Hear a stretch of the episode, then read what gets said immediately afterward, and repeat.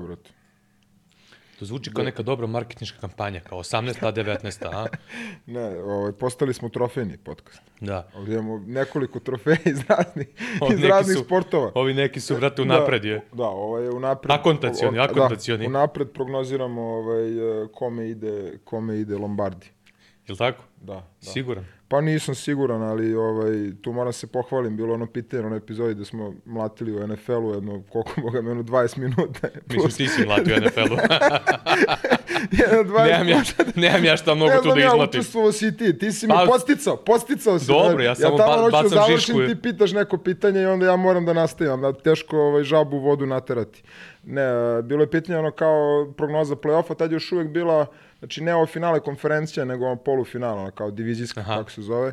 I ovaj, bila je, ja sam rekao da blagu prednost, da je mnogo jači ovaj, ove godine FC, tako mi je bar moj utisak, ne mora da znači da će u finalu i pobediti, ali za Chiefse, mislim, pre svega zbog, zbog čoveka ovaj, čiji dres stoji ovde iza mene, ovaj, meni malo teško da navijam za Chiefse, zato što mi ovaj, preti mi za ostavštini Toma Brady-a, ovaj, ovo mu je sad šansa da uzme drugi ovaj, uzastupni Super Bowl i ima onako lepu šansu možda i da ga stigne u konačnici sa Superbolovima, tako da Dobro, si slažeš da ovo zvuči kao dobra marketinška kampanja? odlično. 18. 19. a? Staviš to negde. Vlado, sećaš ti kad su se pojavili billboardi u Beogradu pre 300 godina, pa kad je bila ona čuvena reklama ko je Ana Denić, što je bilo po svim billboardima. Kad ceo grad bio u fazonu ko je Ana Denić, je, znaš, ono, i onda posle ne znam koliko, jedno 3-4 meseca, koliko je to sve stajalo, onda su sledeću izbacili, to je zapravo bila reklama za billboarde koji su tad bili novitet. I onda je kao bio, ako želite da vas učinimo poznatim, kao reklamirajte se kod nas, kao, znaš, i to je bilo, a, a fazon, idu ljudi, nerviraju se, ko je bre, znaš, ono, tako da, 18. a 19. je. E. Sadržajna. sadržaj. Možda ne dobro raspoloženje s obzirom na rezultate uh, u Euroligi, ali eto, četiri utakmice, jedna pobeda Crvene zvezde protiv Valencije. Uh, možemo se dotaknemo i derbija u ABA ligi koji je odigran uh, prošle nedelje. Odakle početi? Odakle početi? Pa pre svega početi od uh, prirode podcasta. Ovaj, pošto je bilo komentara iz prethodne epizode, pa ja bih odmah sa time otvorio onako u glavu. Generalno, pa da, s pitanjima ovaj, u kontekstu načina na koji ovaj, mi analiziramo i pričamo o utakmicama, igračima. Mm -hmm. Prosto ja bih krenuo odmah odatle, zato što bih da negde u startu ono, mislim već smo mi pričali o tome i ne bih da pretarano dužimo, ali da. ovaj, uh, ono, mi se trudimo ovde da ne budemo ukus nedelje ili ukus meseca, da pričamo nešto što je uh, clickbait tema u tom trenutku na način koji bi nam uh, doneo najveći ono angažman ovaj publike, a da to opet ide u nekom smeru koji nije pošten i fair prema učesnicima ovaj, naravno. koji, koji učestvuju u utakmicama, nebitno da li pričamo o trenerima, o igračima, o sudijama, o funkcionerima. Jer, jer mi, e, nisu tu oni zbog nas, nego smo mi tu zbog Tako njih. je, tako je. I da je poenta i ovog podcasta i načina na koji mi pokušamo da analiziramo da to bude nešto što ima trajniju vrednost i nešto što na kraju slike, znači one potpune u konačnici, da li je to sezona ili je čak možda i period od više sezona, možemo da kažemo da smo ovaj pogodili negde neku suštinu ili neku temu priče, jer eh, evo svedoci smo ove sezone koliko ima oscilacija u igri svih ekipa i sad To smo i najavili. Tako je, Tako i ovaj, još, ali ja mislim da je nekako, čini mi se da ova sezona nikad više oscilacija nije bilo. I onda sad zamisli da, da mi u svakoj epizodi na taj trenutni, a, nebitno da li je plus ili minus a, utisak, sad dajemo neke... Finalni sud. Tako je, znači jedne to nedelje je- ćemo da, ne znam, ono, naši timovi će da igraju finale Evrolige, sledeće nedelje nisu ni za Evrokup. Da, da, Prosto da. meni je to ono potpuno bez veze način da pričamo o tim, o tim ljudima, jer je to stvarno a, a, takmičenje na vrhunskom nivou, pričali smo o tome više puta, evo koji je sad recimo skor trenutno u Euroligi, koliko jedna, dve pobede su razlike između, ne znam, ono... Desetog i Tako četvrtog, otprilike. I, ovaj, I to najbolje pokazuje Ali mi smo to uvijek i najavili sve u prvoj i drugoj epizodi i rekli smo našim gledalcima da je potrebno a, na, navići se sada na te neke nove tendencije i unutar samih rostera a, Partizana i Zvezde konkretno, da, da je to sada sa 14-15 igrača. Evo, sada smo imali primjeri Partizana u ovom duplom kolu a, gde neki igrači se nisu iskidali i nisu ni ulazili u meču protiv Monaka, sledeću počinju u startnoj petorci. E, to, je, to je potpuno normalna stvar i to je neka stvar koju, kažem ti, ono, uh, smo svi prethodnih godina gledali kod, ne znam, Reala, Barca, CSKA, uh, Fenerbahča, svih tih najjačih timova koji već godinama imaju te rostere od po 15 igrača, to je jednostavno neminovnost. Znaš, i sad opet ljudi vole to da na osnovu jedne utakmice izvlače taj neki konačni sud, ja se time ne slažem. Druga stvar, neki naš ugao je ovde, Uh, nekada smo ono, uh, mislim, sp- sportski smo fanovi, sve smo pratili, sve smo gledali, ali ipak tolike godine smo unutra i znamo kako to funkcioniše i bavili smo se tim sportom, ne na tom nivou, uh, na, na, na kom su ovi igrači o kojima pričam, a samim tim, mislim, Upravo to, samim zbog tim toga još veći ra- respekt. Razumemo veći respekt, razumemo zbog čega su oni došli na taj nivo i ovaj i potpuno bi bilo, ne znam, ono, da ne upotrebi neki teži reč, neku težu reč, ovaj uh, bilo bi ono mislim glupo da mi sad tu nešto ovaj njima delimo savete ili ne znam ja pljujemo za nešto, a Mislim, ovaj, naravno, zato što ja ovo doživljavam izuzetno ozbiljno i mi ovaj, ovde imamo neku odgovornost, mislim, Tako prema je. ljudima koji nas slušaju i prema ljudima o kojima pričamo, jer je ovo ipak javna stvar. A, ništa što mi pričamo ovde nije neiskreno, ali jeste umereno. Ja sam to i odgovorio u komentarima na prethodnu epizodu, ali je umereno sa razlogom i sa namerom, jer polazi od te odgovornosti koju mi imamo ovde. To je isto i da uporedim, ne znam, sa mojim ono, dnevnim poslom trenera, ja kao neko sa strane u nekom neobaveznom razgovoru mogu da budem i ovakav i onakav, ali onog trenutka kad preuzem na sebe ulogu trenera imam odgovornost prema svojim igračima, nebitno da li su deca, da li su stariji, sve što izgovorim ima posebnu težinu, tako da s tim u vezi ću prosto i da i analiziram situacije, da govorim o tim stvarima, a neću da radim drugima ono što mrzim kad rade meni. Nebitno e, što, pa nebitno što radim na tom nivou na kom radim, čujem ja i svakakve komentare i sa tribina i uvrede i svašta nešto i zašto bih ja to radio ljudima koji to pritom rade na nivou na kom ono, ne znam da li ću ikada biti blizu uopšte da priđem. mislim. Čekaj, jel na mlađim kategorijama Mlađe kategorije kako su tu žurka, gleda? brate. Čekaj, ne, kako se tu gleda, brate, ono, tu nema ono platio je kartu, ima pravo da te vređa. Znaš- znaš kako tu, tu ja- nije platio kartu, a ima. Da, tu ima, ima pravo i ono ja to, samo što naše konferencije za štampu su ono kad izađeš sa utakmice pa tu ta tvoja grupa navijača, Da, da, da, da. pratilaca, ovaj, samo što ja ono konferencije za štampu izbegavam, ono uvek sačekam da svi izađu pa onda ja nebitno da li je pobjeda poraz jer upravo iz tog razloga ono da se ne bismo previše ovaj eh, da ne bismo previše slavili uspehu i ne bismo se unižavali u porazu. Da, e, na konto cijele ove priče, naš, eto, da napravimo marketing, da kažemo A, našim gledalcima koji nisu gledali neke rane epizode, nek pogledaju od početka, mi smo u toj prvoj epizodi rekli da, da ćemo davati neka zapažanja, neke stvari ćemo pričati ono unapred, da. pa ćemo videti da li, da li su se obistinile, nisu se obistinile, iz ugla gled, cele sezone, znači ne ono od utakmice do utakmice. Znači, Ja tu moram da, se nadovežem ovaj, na, na svoj račun u nekoj od tih epizoda ranih, ne- negde pri početku, ne mogu da setim, smo pričali, ovaj, tu moram da kritikujem naše gledalce, ne, ne slušaju nas očigledno dovoljno pažljivo, čim se nisu uhvatili za to, gde smo pričali o Pistonsima, ovaj, pa sam ja rekao ko ove godine imaju ne, dobru ekipu, kompetitivnu, ali- i onda su ušli, od, bukvalno nakon te epizode su ono ušli u seriju od 30 poraza, brate. Što je najgore, evo ja i dalje, ja i dalje to mislim Pa o njihovoj ja ekipi, mislim, mlada, znaš. talentovana ekipa, koja je prošle sezone pokazala neku vrstu, ne neki ono vidljiv, ali neku vrstu e, napretka i čekalo se kao da se Da. oporavi Bogdanović, da ono, znači, došao Monty Williams, on najskuplji trener u, U ligi, istoriji. razumeš, i ono rasulo odjednom. Koliko je na kraju bilo ukupno poraza u nizu? Nešto, 20 plus, je li tako? Govorili ne mogu sad setiti, pa to. Da, ali znaš šta, i dalje, i dalje ono, meni Washington gori od njih, znači, pored svega. Tako Depresivniji su mi. da, E, tako da, a i ovaj, pošto mi volimo da se nadovezujemo na serije, znači ono, nije, ovo, nije ovaj podcast ono kao onaj procedural, klasičan, ono, gde samo naš svaka epizoda je za sebe, Za sebe, da, nego ima tu, ono, ima i za sebe nekih tema, ali, Moraš ali naučiš- neku širu sliku pravimo. Tako ono, moraš kao, naučiš likove, ono šta možeš čekuješ od likova i, to. znaš, ono da, da, ko je kakav tip i ostalo je. Tako da, pa ne, to, to, to ja isto stalno pričam, znaš, ono, ali dobro, valjda će... Uh, hoćemo odmah jedno pitanje, ono što smo dobili Može. od našeg vernog gledalca koji se Ko je? potpisao Ćavi Paskval. A Čavi Paskval ubija sa pitanjima redovno. Da, mislim, zaista stvarno. onako, pro, ti kažem, kad vidim pitanje, jedva čekam ono, Trema malo, da, uvati me trema, znaš, kad vidim, da, ono, vidim sliku ovaj, Čavijevu, već znam da ide neko teško pitanje, znaš, ne znam, ja sam se spremao za to. Ajde, uh, jedan deo tih stvari smo mi već pominjali, Jest. ali ovako sve u globalu možemo... Uh, uh, hoće ti pitanje da... Pa pitanje je vezano generalno za, sad ne znam da treba koristimo strani termin, ovaj, ambidexternost, Da. za ovaj, dvoručnost, ne znam kako, koju, Mhm, koju reč da upotrebimo kod igrača. I sad bilo je u kontekstu težine obuke takvih igrača, težine čuvanja takvih igrača, da li to u nekom trenutku se možda, uh, da li to postaje mana, ovaj kod donošenja odluka pomenut je primer tenisa, Tenisa, bio, da. što je kao za dokaza. tenis je da dobro za tenis Za tenis je definitivno. očigledno zašto je to problem sad ono kroz kod obuke ovaj ja sad to je baš onako specifična stvar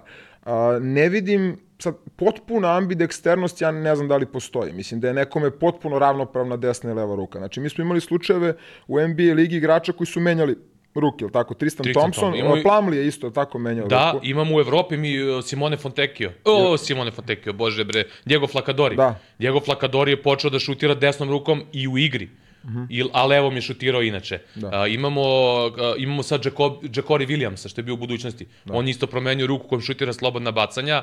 A, dosta nekih igrača u Evropi se ne priča toliko o tome, pa ne možemo da tvrdimo. Ali ja znam da sam u prenosima za neke igrače pominjao još IHH, ima no deseta godina, mogu sad setim koji su bili u pitanju, ali recimo ja mislim da je Orgos Printezi sigurno No, jedan to, od tih. da. Pa znaš da on šutira, uh, Motejunas isto. Da. Da. Motejunas šutira Ali ja, jednom, ja ga uvek nekako pamtim kao levorukog motiva. ali šutira i, i s jednom i sa drugom Aha, sjajno. misliš to, da, da, da ja sad sam mislio misliš na promenu ruke. Da, da, da, da, ja da, ne da. mogu da tvrdim da on sad, ne znam, je levoruka, šutira desnom. Znaš, znaš ko je? Lebron. Lebron je levoruk, sve radi levom rukom, a desnom igra košarku. Mhm. a, ko je još beše ono tih poznat? Westbrook.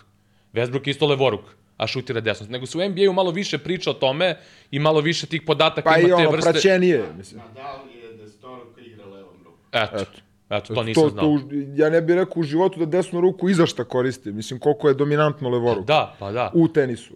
Znaš, tako da ne. ima tu specifičnosti kao ono u futbolu, što kažu, svi mogu da igraju sve, samo levi bek ne može igrati desnog beka. Pa jeste. Pa znaš ono, znači, to, svako ko je To probao... stvarno nisam vidio u životu. Svako da. ko je probao taj eksperiment, znači, to je izašlo na katastrofu. Je. Znaš, tako da, ono... E sad ti imaš onih igrača koji, ono, što kažu, jedna noga im služi samo da ulaze u autobus. Je. Znaš, ono... A on, Ne, ali, Ali opet, uh, da. Tako da ne znam, za košarku ja mislim da nije, da nije problem obuke. Moje neko mišljenje, bar, ajde da kažemo, iz nekih iz tih nekih vremena iz kojih ja potičem, znaš, on, potičem, da. iz 837.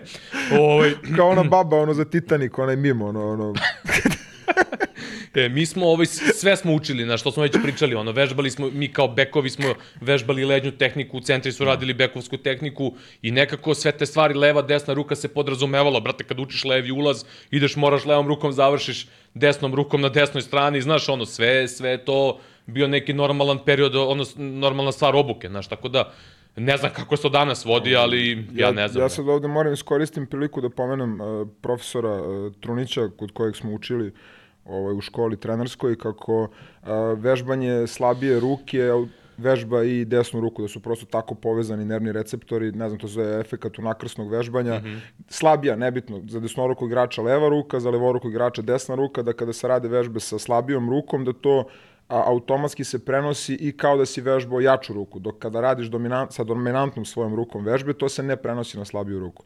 Konkretno vezano zbog metodologije i zbog mm -hmm, obučavanja. Mm -hmm. A, što se tiče, e, e, mislim da je svakako prednost u košarci da igrač bude uh, ambidexteran kada pričamo o tehničkim elementima. Znači, pogotovo kada pričamo o igračima koji igraju dosta s loptom, da li napadaju sa leve ili desne strane, da li napadaju... Prosto možeš da im nameštaš pick and roll u više situacija gde mogu to da iskoriste na pravi način. Sad, ja bih tu dodao još jednu stvar koju sam negde sa, sa godinama, sa iskustvom uh, došao do tačke da recimo je stvar koja se podcenjuje kod igrača, da li su levoruki ili desnoruki, koja im je noga jača.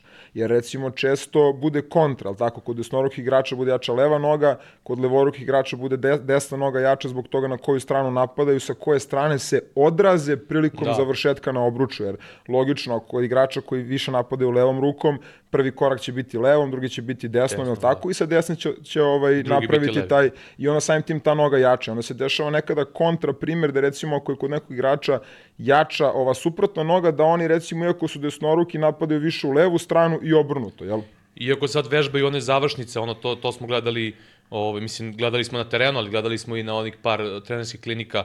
Igor Kokoškov je eh, priča, mislim da je bio i Darko Rajković isto. Bio je jedne godine, da, indivi, sa- Individualni rad, pa su neki primjeri onih ulaza Rasela Westbrooka da iznosiš iz driblinga jednom rukom, Da. sa kontra noge, uh, da ne koristiš ovu drugu ruku, da se to sve više vežba uh, usled povećanog atleticizma visokih igrača, moraš brže da odreaguješ od njih, tako da i to sad se malo menja na neki Jeste. način, jer ono završava se često sa kontra noge, ide se jednom rukom, da. floateri i sve ostalo što je nekada važilo da kaže neke teške šuteve, sada uh, se vodi kao neki ono konvencionalni Jeste. šut. I to je jedna od, e, mi često pričamo ono kao šta je bilo ranije, bolje, šta je bolje sada, to je jedna od stvari koje definitivno su napredak i iskorak u razumevanju percepciji košarke, zato što e, ja lično verujem da tehnika van e, konteksta situacije na terenu ne postoji. Znači, prosto taj način obuke koji je kod nas bio dominantan u ranijim godinama, školske tehnike je super stvar do recimo uzrasta pionira, to je otprilike, tu se završava sva konvencionalna priča, zato što što su igrači veći, što su fizički dominantniji, što su odbrane naprednije, uh, igrači koji treba da završavaju na obruču moraju da budu obučeni za različite vrste završnica koje opet moraju da zaviste od konteksta na terenu, gde je nekada bolje iz tog jednokoraka napasti, izbaciti loptu, gde je nekada bolje sa zadrškom, nekada je bolje na prvu. A, ta kombinacija floatera, recimo, koju isto ranije naši treneri nisu voleli, to je sad nešto što je onako deo asortimana svakog ozbiljnijeg igrača koji hoće da napada koš, jer ovaj, e, ti omogućuje u većoj brzini da izbaciš loptu i tako dalje i tako dalje. Znači sve te stvari se sada mnogo više rade, igrači su stvarno obučeniji a, e, i ovaj, je dozvoljenije im je da kažemo da, da koriste Upravo te to, stvari. u dozvoljenije igri. ime. Tako. Jer ja znam ono, Miles Simon, da su vremeno na Arizoni je bio onako neko ko se smatra tim nek, rodonačelnikom floatera, ali neko ko je prvi počeo kontinuirano da koristi taj šut, ali ja se opet sećam, ono gledao sam 90-ih godina, ranih 90-ih godina na našim terenima igrače koji su sporadično šutirali floater, ali znaš, ono što ti kažeš u to vreme Baš je, je to bilo ono- ono zabranjeno voće. Da, da, da. Znaš, ono, Da, uradiš... crna magija. Da, ura, kad to uradiš, preti ti ono mogućnost da budeš isteran u slačionicu, razumeš? Tako da, Jest. ovaj, sad, ono, kad pričamo o nekim šutevima za tri poena, mnogo stvari je dozvoljenije, pa ti dođeš sad na te uh, step backove, odnosno side stepove, meni pričali smo ovaj side step je najružniji potez u košarci, ovaj, i, ali je sad dozvoljen i to se smatra lakim šutem, a ono što smo pričali milion puta sad kao odjednom post-up, kao se smatra teškim šutem, kao moraš da radiš da bi šutnuo preko ruke. Da, kultura se tu dosta promenila. Jesi video potez Kaminskog uh, protiv Monaka, ono prvi njegov koš na utakmici Dobro. leđima kada odigrao protiv uh, ovoga uh, kako se zove bre centar iz Virtusa što je došao visoki, sada im mozak. Ovaj, žajte, Žajte. Da. Jesi video leđnu tehniku? podsjeti me, molim. Je, pa odigrao leđima, pa je ono krenuo onu fintu spina, Dobro. pa se vratio, pa up and under i položio. da, da. E, Čak i Partizan u najavi ove utakmice protiv Virtusa kačio taj potez na društvenim mrežama. Meni je Znači, ono već smo pričali zašto ja volim i bekove koji znaju leđima da odigraju. Meni je to jedno od najlepših, najelegantnijih poteza, najlep, jedno od najlepših stvari u košarci, tak, takva neka vrsta kad neko zna da odigra leđima i kad može ne. ovakve pote, kako to neko izgledalo fluidno, majstorski i sve ostalo, znaš, tako da mi onako eto je da se naslonimo na ovu priču, a eto ubijeno u modernoj košarci, totalno, i ovaj, zato ja volim igrače koji dalje su u stanju da, da odigraju tako leđima, ali ne na pamet, nego ono, tap, tap, tap, iščitaju situaciju, da li je potreban jedan potez, da li je potreban drugi, da li je potreban treći, a možda nije, tako Pa da... jel, jel treba dalje da idemo od Nikola Jokića i od, i od igrača koji nikako, nikako nisam očekivao da će baš na tom nivou da igra u NBA ligi, a to je Šengun iz, iz Houstona. Da, da. Znači, mislim, to je, to je prosto, ili treba bolji primer ovaj, koliko ti dobra centarska tehnika, ili ajde da kažemo da, da ne vezujemo striktno za centar, što si pomenuo, isto tako mogu i bekovi da koriste te stvari, ili krila, znači leđna tehnika ili pre svega igra na postu, koliko može da bude ovaj efikasno oružje kada se radi na pravi način, ali se e, iz mog opet iskustva, e, iz prakse, ta tehnika dosta podcenjuje i dosta se vezuje za neku vrstu fizičke nadmoći, nužno, znaš, kao igra leđima, mora da se za, zasniva na fizičkoj nadmoći. Ona Ne, ne, jeste ne. prednost, Jeste je prednost, naravno. ali je isključivo stvar, jer je... Koliko e, igrača imamo primer sada, ajde sad da ih ne nabrajamo, ali gomila igrača koji su na svojoj poziciji fizički dominantni, a ne mogu na niskom postu naprave prednost, niti znaju da ga brane. Tako je. A- a fizički ljudi su mešaju, dominantni. ali ljudi mešaju te stvari, misle da jednostavno to što je neko fizički, je to automatski igrač Mislim- koji može sa posla da napada. Mislim, jasno je sad da ja branim Šeka da će da me u, u, Dobro, urniše dole. Ali, ali koliko šekova Ali- imamo kroz celu istoriju. nema- ali pričamo lupam kad je ono, kad nije mismatch situacija, nego, mislim, imamo probleme danas i u mismatch da igrači ne Da, znaju da ga reše, da. ali generalno kada ono u poziciji, kada pozicija brani poziciju, dosta igrača koji su fizički i dominantni Jeste. e, ne mogu da reše. To je, to je baš nešto smo i ove nedelje sam, sam radio sa svojom ekipom na treninzima dosta, recimo sa, sa ovim unutrašnjim igračima na tim po... To je ono što ovaj, e, potpuno je logika je uglavnom kontra u odnosu na sve što je vezano za, na perimetru. Znači sve a, situacije u kojima se napada sa perimetra su relativno a, jasne u kontekstu da ako, se, ako je rupa, to je rupa, tu gledaš da prođeš u zavisnosti od toga koliko je separacija odnosno na igrača sa strane, da li ćeš ići oštro, da li ćeš izbaciti pas u zavisnosti od toga koliko je on blizu.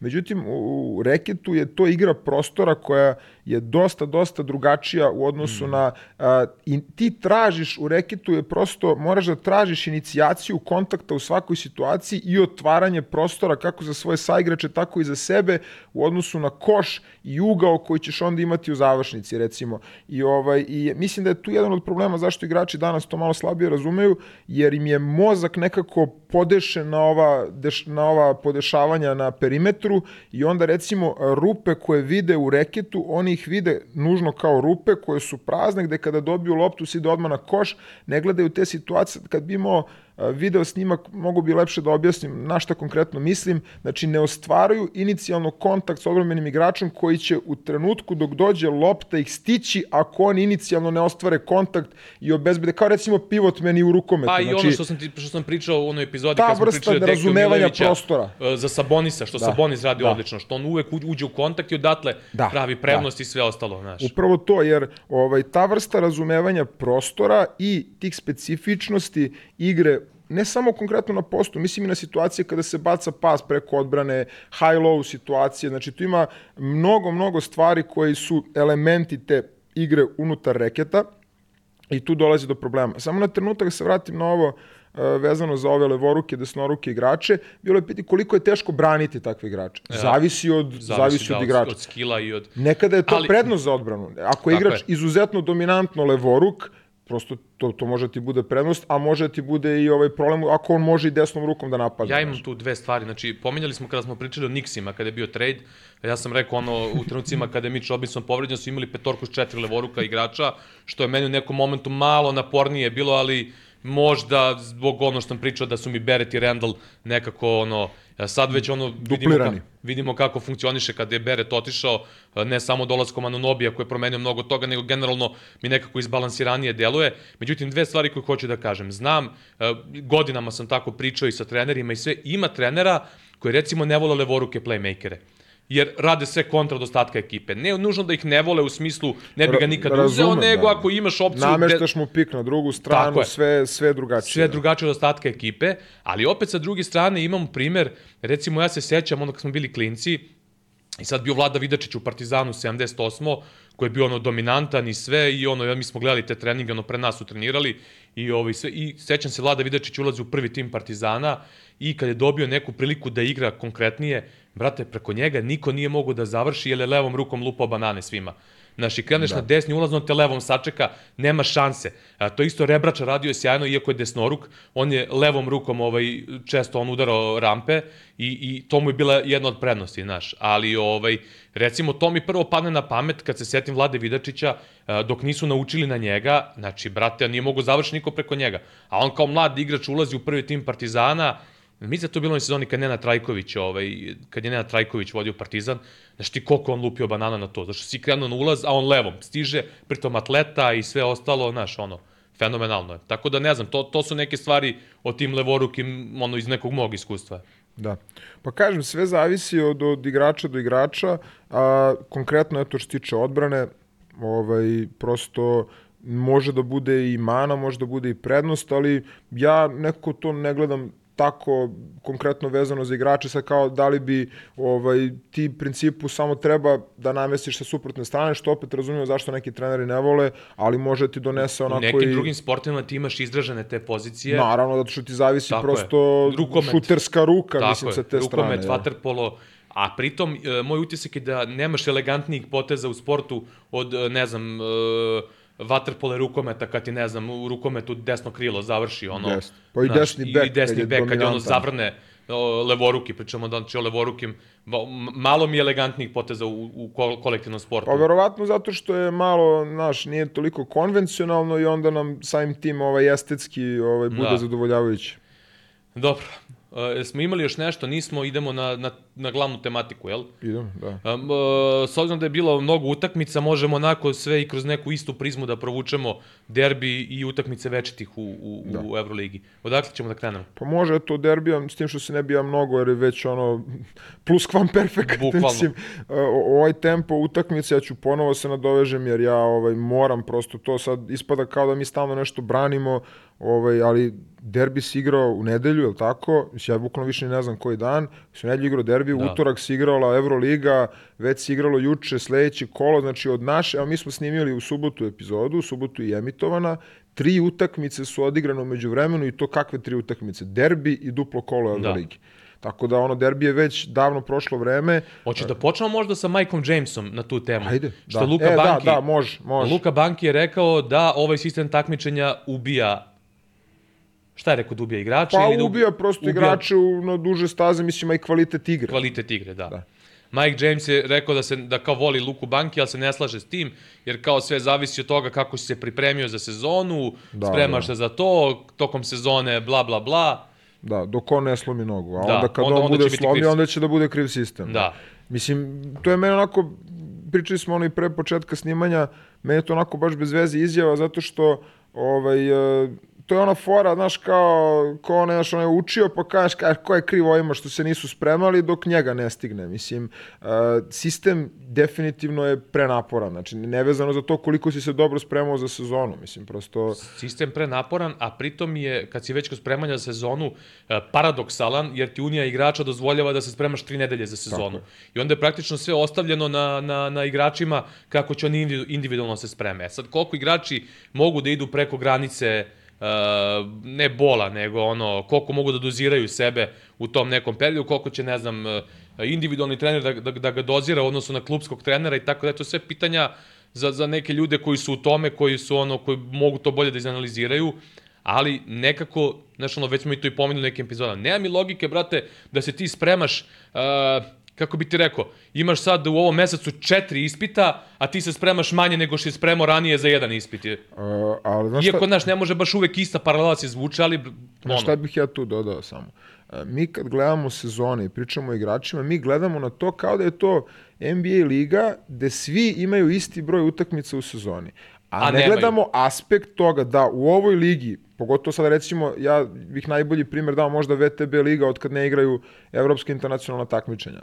Znači, sezona u VTB ligi, broj utakmice kada se završava u odnosu na recimo ekipe naše ili večite, kad su završili prošle sezone, da. jel, jel ono u julu se završila ovaj finalna se, mislim prosto uh, kad pogledaš te stvari, koliko je njima i sad šta će oni, ti igrači, šta, sad će oni u julu da odmah udare u jak trening spremanja za sledeću sezonu, ne, nego će prosto morati da, da provedu određeni period van košarke potpuno kako bi se regenerisali, a imali smo situaciju da moraju opet na svetsko prvenstvo idu neki od tih igrača. ove i- godine olimpijske igre, olimpijske igre i onda mi sad pričamo o tome kao, komu je kriv što se nije bolje spremao. Pa nije, nije to baš tako prosto, nije, nije svačija situacija ista, ljudi to ne razumeju i, ovaj, i kažem, eh, svim tim igračima je neophodna jedna vrsta odmora, pre svega zbog onog akumulacionog umora i zbog potrošnje prosto i mišića i celog tela, oni moraju da prođu kroz neku vrstu regeneracije, pogotovo što igrači koji su u nekom trenutku počeli da vuku povredu, pričali smo o tome, i oni iz kompenzacije preopterećuju druge Tako je. delove tela, I znači nije, po, tako je, nije potrošnja njihovog tela ista u odnosu na nekog ko je prošao kroz sezonu,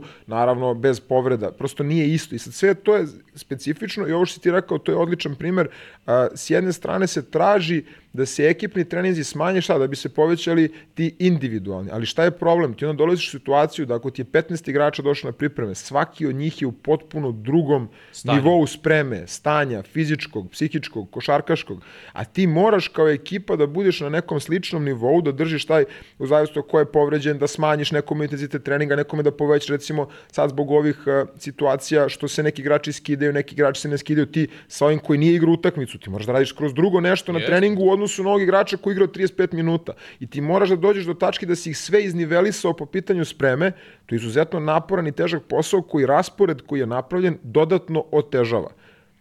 I apsolutno u određenom trenutku mora da se odrazi na kvalitet. Znači Ali ži- mora. živimo u takvoj eri, brate, ono, znaš, uđeš na Instagram, pogledaš, ono, LeBron James radi iste vežbe u teretani ko što radi, ono, ne znam, mo, mo, lupam, ono, moja drugarica, ono, znaš, ono, je, tako da ne znam šta bi ti rekao na tu temu, ali e, e, derbi, da kažemo, ajde, neke crtice da dotaknemo vezano za, za detalje u samoj igri.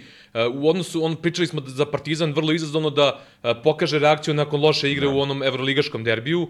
E, Moj utisak je bio na početku da je Partizan energetski i čvrstinom bolje ušao u tu utakmicu, da je bolja koncentracija bila na samom startu u smislu pravljenja faulova, dobrih faulova, e, da je Crvena zvezda pogodila neke teške šuteve na startu utakmice koji su ulili zvezdi samopouzdanje, ali da je Partizan na napadačkom delu terena ponovo ima ozbiljne probleme. U onoj petorci sa Kaboklom na pet nisu uspeli opet da reše preuzimanja Crvene zvezde, da uspostave neki napadački kontinuitet, a da je Zvezda pogođenim šutevima u napadu ipak uspela da na neki način zada udarac i da dobija na samopouzdanju, a naterala Partizan ono na, na konto tih da kažeš tih situacija na terenu, da je Partizan počeo da pravi sve više defanzivnih grešaka, da radi one neke takozvane overhelp situacije, da negde preterano pomažu i bez potrebe, da ostave otvorene šuteve i počeli su da prave sve lošije i lošije faulove u momentima kada je iskorišćen bonus. Tako da je negde po mom utisku, po mom mišljenju negde u toj fazi utakmice Crvena zvezda napravila onu razliku koju je napravila i ovaj praktično maltene istovetno kao i u evroligaškom derbiju.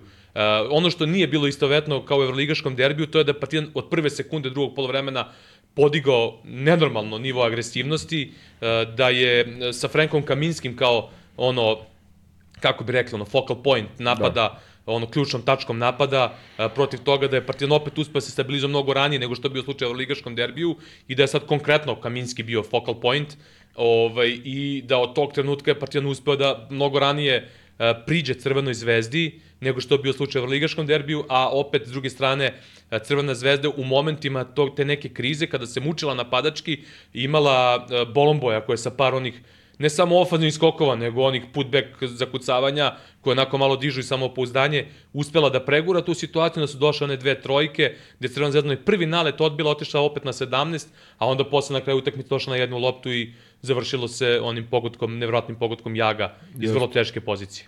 A to Jeste, neki ovako pa da, pa su, to je- sublimirano u nekim detaljima. Baš tako, mislim, prosto ovaj, opet je tu negde energija, agresivnost, fizikalnost Zvezde bila na, na znatno višem nivou nego što je to slučaj u većini utakmica ove sezone. Na derbiju onom prošlom jeste bilo isto to slučaj, ali evo i sada pogotovo.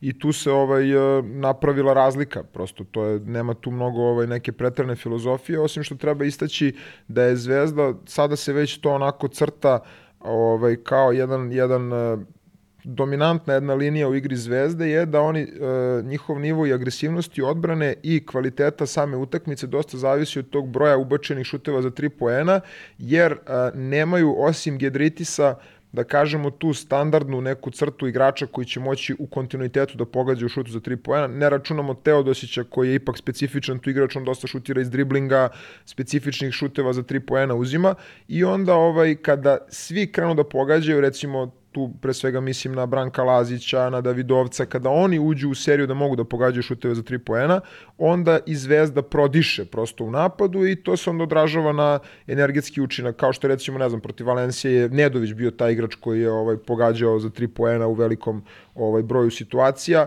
i onda to dosta utiče na njihovu igru, onda može da im otvori i dubinu i razne druge stvari. To se desilo na derbiju i ovaj da kažemo da je u samo se tom drugom poluvremenu desio taj ovaj preokret, skoro preokret Partizana uh, i taj koš Jaga koji onako ovaj karakteristično mislim za njega on pričali smo više puta ove godine koliko on voli da uzima te situacije da napada da bude agresivan voli da preuzima odgovornost i onako jedan, jedna pričali smo malo pre o završnicama i o tom nivou taj uh, gore pa izlačenje na stranu kao dipsi dus u principu zove. To samo što je malo drugačije jer je bočno završio nije bilo ono ispod igrača pa ponovo uh, onako jedan težak šut za njega možda ne toliko, jer to je nešto što on može da uradi, ali je opet bilo pored dva igrača, da kažemo, nije bila laka završnica. jedan od tih Da, je Smajlagić jest. koji lako I može on da... je stvarno je to lepo provukao i ovaj kažem stvarno jedan dobar koš da kažemo za za pobedu, ali utakmica onako bila dosta nervozna.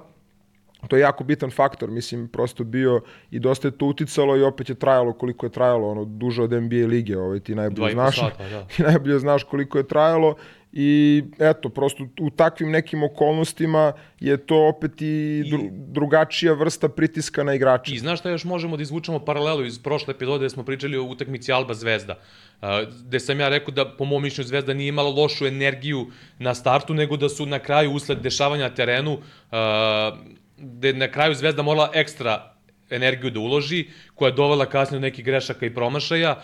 Nekako tok utakmice mi je bio sličan. Isto mislim da Partizan nije imao lošu energiju, posebno ne u odnosu na prošli derbi. Na početku malo pre sam to obrazložio, ali je Partizan morao u drugom polovremenu taj ekstra ekstra effort da uloži da bi, da bi se vratili i onda je došlo do toga da Partizan recimo u momentima kada igra dobro, kada je Crvena zvezda u krizi, Partizan promaše pet najotvorenijih trojki na svetu.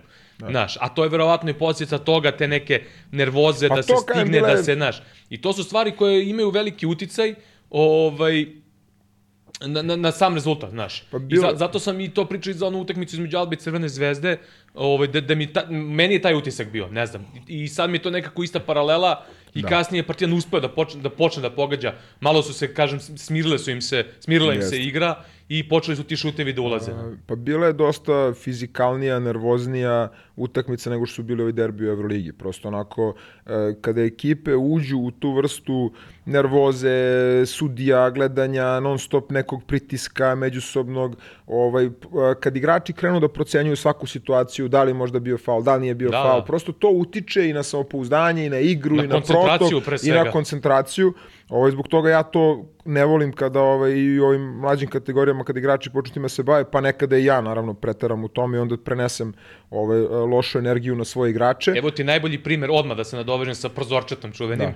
Da. Uh, juče na utakmici Virtus Partizan. Uh, mislim da je Partizan bio u jednom delu utakmice u toj situaciji i ona situacija kada je Smajlegić sviran faul za onu čistu blokadu, ne može čistiju, uh, imam utisak da je Partizan u tom trenutku prestao više, da su igrači prestali da, da se bave time, da su bili posle toga maksimalno fokusirani, krenula je odbrana sa preuzimanje i Partizan je tu stabilizovao svoju igru i vratio se i preokrenuo rezultatski tu utakmicu. da. E, Pa tu je recimo tu kad si već ono krenuo sa, sa prozorom, to je recimo ovo što sada imamo ovu tendenciju da ne samo naši klubovi igrači, što je ranije bilo slučaj, sada je to postalo na nivou cele Evrolige se konstantno previše svi bave ovaj, suđenjem na samom terenu, imamo reakciju Boldvina posle utakmice sa, sa Baskonijom. Pazi. A, Ja sad ne, mogu, ne, ne znam da li je nešto od ranije, ali ono zašto se on žalio na kraju utakmice zaista ne, I imamo, za onakvu reakciju, mislim, imamo konstantnu uh, uh, potrebu svih mogućih igrača, ono, ne samo u Euroligi, uh, da, da traže, da traže ovaj challenge, da traže usporne snijeg, znači za svaku ovo, mogu, da. ovo je postalo novo Znači, ovo da. iz futbala ili ovo, što je bilo. Znači, šta god se a desi, pritom šta god se desi. Ne, ne zna da, da, da može ili ne može, Da. znaš, ono u nekim E, situacijama e, se a gleda. to je ono što smo ranije pričali, što sada je toliko stavljen fokus i na svaku odluku i na svaku grešku i pogotovo zbog tih pravila o challenge-u uh, ili uh, taj var koji ti stoji u glavi, jer svi najviše gledaju futbal, pa ti to non stop stoji u glavi. Ovaj, I onda nekako to potpuno stavlja preterani fokus na to i sad svaka situacija dok se svi koncentrišu ovaj na na drvo svako ono izgubimo potpuno sliku o šumi ono utakmica nam nestane u svim tim sitnim ovaj sitničarenjima jer ne znam ono sam pred Partizana Žajte ono da svaki ono, neki aut bez veze on traži ovaj replay ma svaka moguća Monako od situacija više timova gde da. oni non stop nešto traže, Upravo žale to. se. I na svakoj onda, utakmici. I onda to sve stvori neku, neku energiju koja ide na uštrb kvaliteta Pa same evo, igre. Evo, znači, to sam stavio kao temu jednu, kao potencijalno, znači, uh, Kendrick Nunn je uh, stavio kao neki tweet ili šta je već rekao kao uh, Mislim da je odmah posle utakmice izjavio. da. terrible, somebody got to hold them responsible za sudije. Ali ja, ja više ne znam šta, Znaš. šta je konkretno to. Mislim, ti kada ok, ako se neko žali na suđenje, ti možeš kažeš konkretno tačnu situaciju na koju se žališ ili e, kontekst ili kriterijum ili a, ali je jako, jako Moneke je isto, izvini, Da. tweetovao odmah posle utakmice sa Makabijem koji su dobili, isto je nešto ono na konto sudija i sve.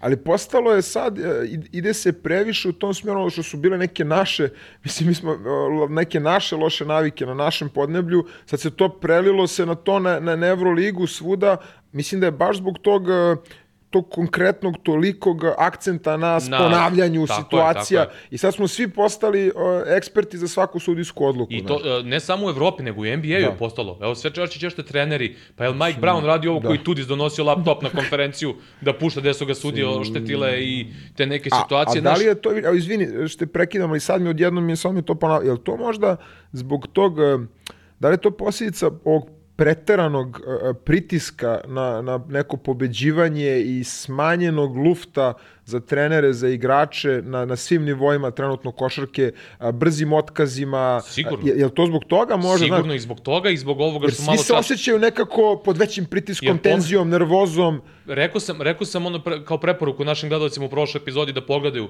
ono Lamonikino i sve ostalo, Lam- Lamonikino gostovanje kod kod Kajla Heinza, kako bi bolje razumeli, pričali smo onim kamerama da su dobre stvari, ali opet, recimo, ne znam, ima tu to, toko nekih detalja gde ti Euroliga uh, da sudijama neke savete o nekim tendencijama koje se u javnosti ne znaju. Da. I sad, uh, ti, ti nemaš pojma neke situacije, ono, e, šta je tendencija u suđenju, šta ostalo.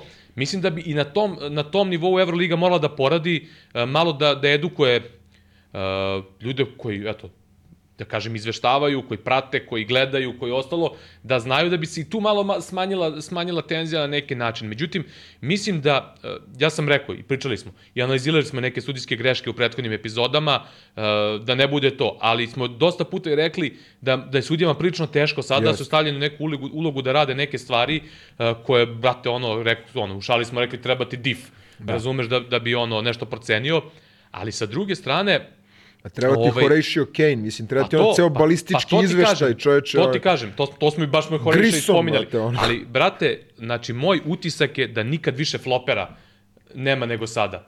Znači, svi sad e, koriste tu situaciju e, što može se gleda usporni snimak, ono smo pričali da nekad je Na bolje... uspornom ko- snimku bolje prodaja izgleda tog Tako kontakta, je. da, Jer, da. brate, ja stojim ovako i ti sad prođeš pored mene, moj lakat je ovako, tu ideš u moj lakat, letiš dva metra Na uspornom kaže, snimku se, da, snimku udari intenzitet, laktom intenzitet kontakta se odleteo- gubi u uspornom tako snimku. U uspornom da. snimku se gubi Da. intenzitet, razumeš, i to je odma I toliko igrača ima, ja mislim, brate, sad kad bi, nećemo da pravimo tu listu, nećemo, zato što ne pričamo o negativnim stvarima, ovaj, ali kad bi uzeli da pravimo listu top 10 flopera u NBA, u Euroligi, ja mislim da bi, da bi teže imali, da, da, da bismo teže našli 10 igrača, u- ne u smislu, nego teže bi ubacili Razumem, da. desetoricu nego u, za, za MVP-a. Previše ili... bi ih bilo, da. da. Previše bi ih bilo, znaš, i sa jedne i sa druge strane, znaš. NBA je uveo sada ponovo ono e, tehničku za flop i sve ostalo. Mislim da će morati Euroliga time da se pozabavi u nekom narodnom periodu.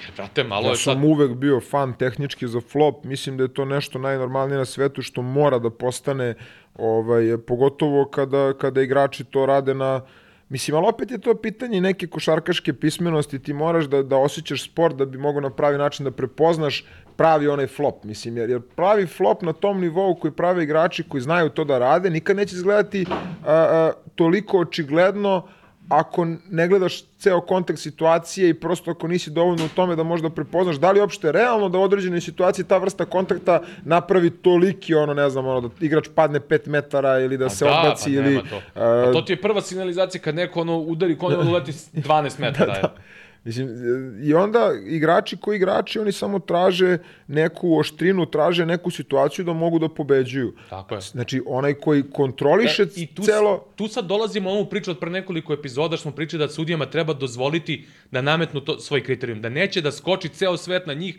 ako se ne svirne. Znaš, da. dovedena je situacija da sad svako bacanje igrača mora da se svira faul u napadu. Da. Znaš, ali I, op- sad, kao, I sad sudijama je naravno teško, jer će se pogledati ponovljeni snimak, ne, bit će tražen challenge i svi će da vide taj snimak bez intenziteta kontakta i reći, evo, faul napadu, čisko suza, Jeste. da li, znaš.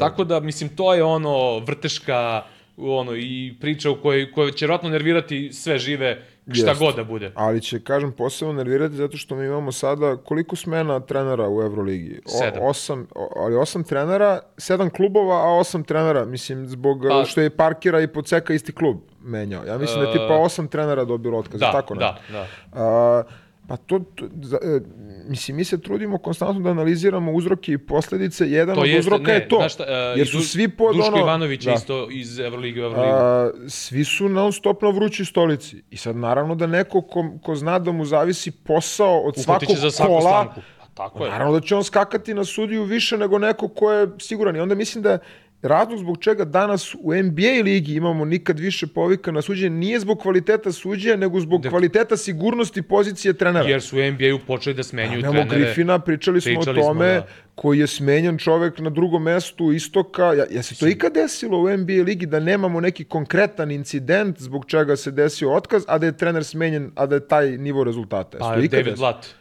David Blatt, jel? Pa sa da, Clevelandom, da, ono. da, da, da. Ali to je bilo na kraju sezone, jel tako? To je bilo kad se sezona završila. Ili je bilo u toku sezone? Bilo ne mogu da se, se setim. tokom sezone kada je došao Oni su igrali finale, jel tako? Sa, sa Blatom prve I, od godine. toga- i, I imali su čak, ja mislim, i bolji rezultat u trenutku Eto, smene nego da, što je da. Milwaukee imao sada.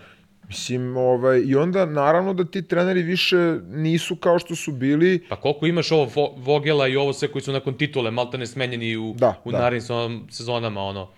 I onda je prosto to sve kao sistem spojenih sudova, kao sistem domina se prenosi na koga će da udare nego na kraju na sudiju, a ovaj, bila tu tendencija ili ne. Da. Uh, naravno, kao što smo rekli, grešaka ima, sudijskih, uh, bit će ih, sigurno će ih biti, ali ne znam, opet mislim da bi trebalo malo i tu da se, da se Pa malo smiri. treba da okrenemo tako, treba da se smire strasti i da se okrenemo ovaj, više terenu. Mislim, imamo o čemu da pričamo, hvala Bogu, o terenu, mnogo situacija interesantnih, a, mnogo taktičkih minijatura, a, igrača, novih uloga, a, približava se kraju polako i ovaj regularni deo Evrolige, bit će Uh, klanica, brate, će biti ja za gledao- mesta, za play-off, za play-in. Ja sam gledao sad Tu rasporede. svašta može se Gledao, desiti. ajde, ono. Partizanovi zvezdni raspored znamo manje više. Ja sam gledao rasporede Makabija, Valencije, uh, Baskonije, Armanija, Efesa, Žalgirisa. Brate, to će da bude u jednu pobedu sve Pa upravo potencijalno. to. U jednu pobedu će takva drama biti. Znači, ti sad ne možeš nikakvu predikciju da napraviš, sad da kažeš ono, najbanalnije je, ovi će dobiju ove, ovi su bolje, da, Pa Evo opet sad je Žalgiris ušao u seriju pobjeda na Tako je. domaćem terenu. dolazi Zvezdi E, u goste. Oni su isti skor kao Zvezda, tako 10-15, Da. mislim imaju Zvezda Armani ima isto, Efes ima 10-15. Efes ima jedan pristojan raspred. Uh, oni su i, oni su promenili trenera. promenili su trenera, da sada kažemo. Tomica Mijatović je dobio dobio priliku na koja koliko Koliko je dva- dugo tamo Ja mislim da asistent? 2011 s Perasovićem, da, da, da li je bila, ne mogu sedim ko je tačno Perasović otišao prvi Da. put. Znam mislim da je 2000 dugo tamo, ne znam dugo, tačno Dugo, koliko. sa svim trenerima je bio pomoćni i eto dobio je priliku sada da vodi ekipu. A, tako da a, Armani ima težak raspored, Valencija ima paklen raspored, u naredne četiri utakmice posebno. Ovaj, nisu nepobedivi timovi, naravno, ali paklen raspored u osnovi. A, Žalgiris onako isto nije baš neki pretrano lak raspored. Znamo Partizan i Zvezda kakav raspored imaju. Baskonija isto ima neki džene džene. Znaš, onako, baš su, baš su, e, baš će to biti ono neverovatna borba ono. Još ti Znaš, Makabi, samo, Makabi isto da. nema lak raspored. Oni su sada na, na, na onoj samoj liniji ovaj play-ina u pozitivi su, da. ali mogu lako da Da su da samo skliznu. Asvel i Alba su ispod 10-15, jel tako? I ostali su svi 10-15. Jel tako? Alba, Asvel i ček, sad ću proverim. Ja mislim da su Asvel i Alba jedini ispod 10-15. Da Evo, tipa, ono, 16 ima 10-15, mislim. Jer gledao sam... A, žal, uh, sam da im. Da, ovo, ovo nije moja refrešovana tabela. Čekaj, ovo, pošto meni sto, stoji da. tabela stalno ono otvoren tab, ono.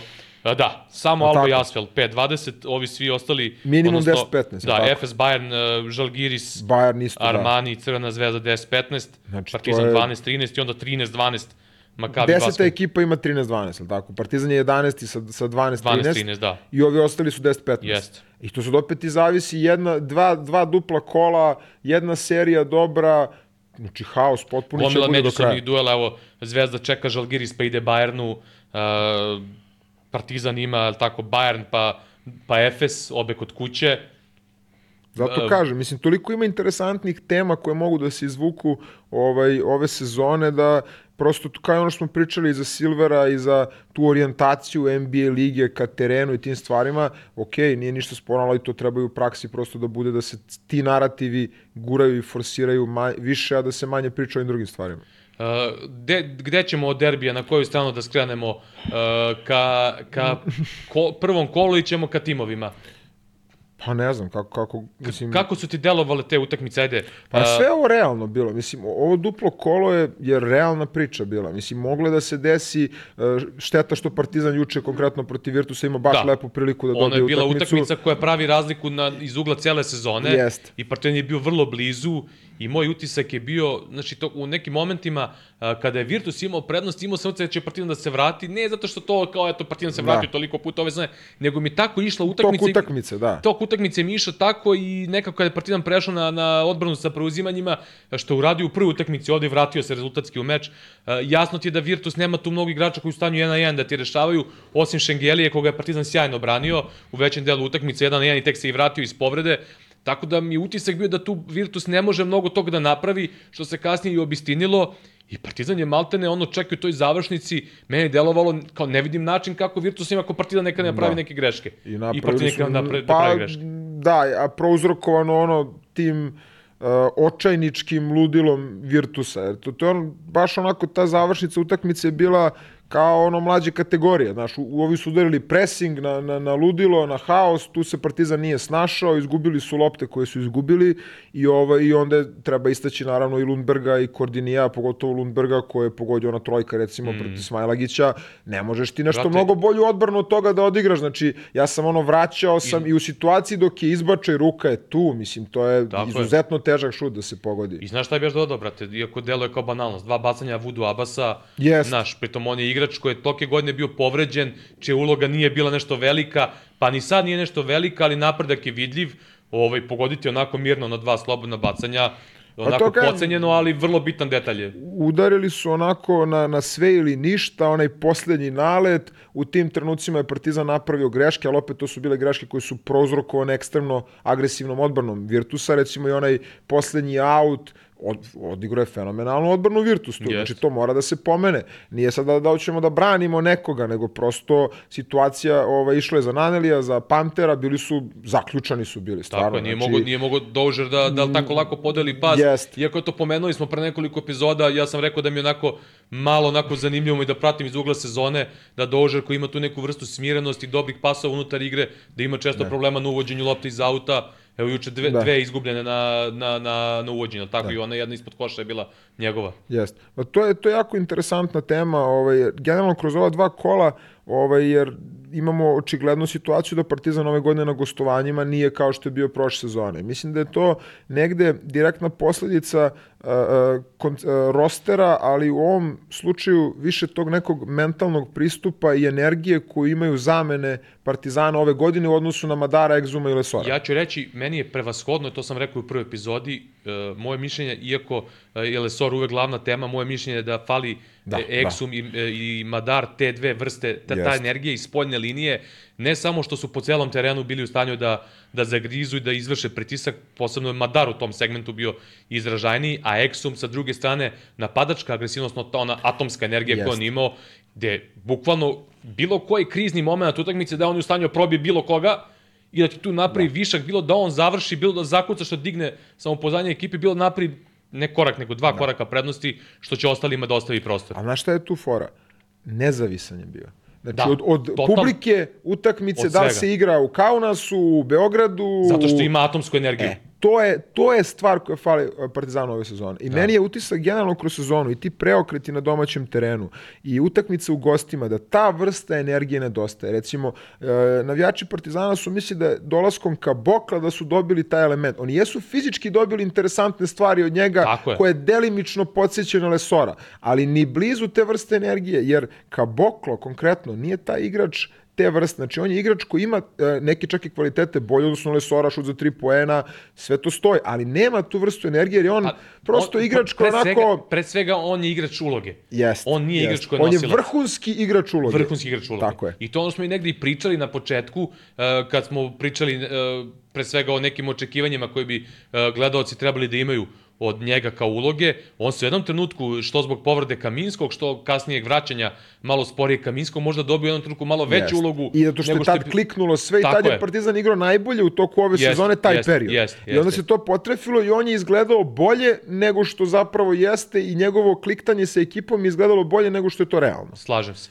I, ovaj, ali opet sad je došlo, mi smo pričali to u prethodnim epizodama, dobili smo i pitanje gledalaca, kao da li možemo to da proanalizi, proanaliziramo, već smo to analizirali Jesmo. u nekoliko epizoda, da jednostavno Kaboklo je taj igrač koji je bio krilo, Tako je, on nije možda centar. nije centar, nema možda tu neku, e, neke te osnove da. Da. te igre i njegov problem je bio e, da, da na, na bilo koju utakmice protivnici preuzimaju da ostvari bilo kakvu dole poziciju i ono što sam ja pričao za Kaminskog i čak i u periodima kada je bio u krizi, da je Kaminski Partizanovo veliko oružje u toj situaciji, da, da je odradio sjajan posao, sad je videlo u ovim utakmicama ovaj, prethodnim, gde je povezao, gde je i Kaminski, kažem, to je se već sad stvar treninga, mi, mi ne znamo šta se dešava na treninzima, kako igrači treniraju i samim tim to ne možemo ni ne komentarišemo, ali trener Obradović verovatno je sad video kakva je situacija i sve ostalo i na konto povratka u formu, očigledno i boljeg treniranja, dao i veću ulogu Kaminskog sa, sa da kažem, većim odgovornostima na neki Dakle. način. I već smo videli Kaminskog sa boljom energijom na defanzivnom kraju parketa, bio je sjajan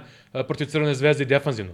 Znaš, i u meču protiv Monaka odradio dosta dobrih defanzivnih stvari, naravno, ne može on da bude uh, Kyle Hines defanzivno, ali u skladu sa nekim svojim mogućnostima, vrlo pristojan defanzivno.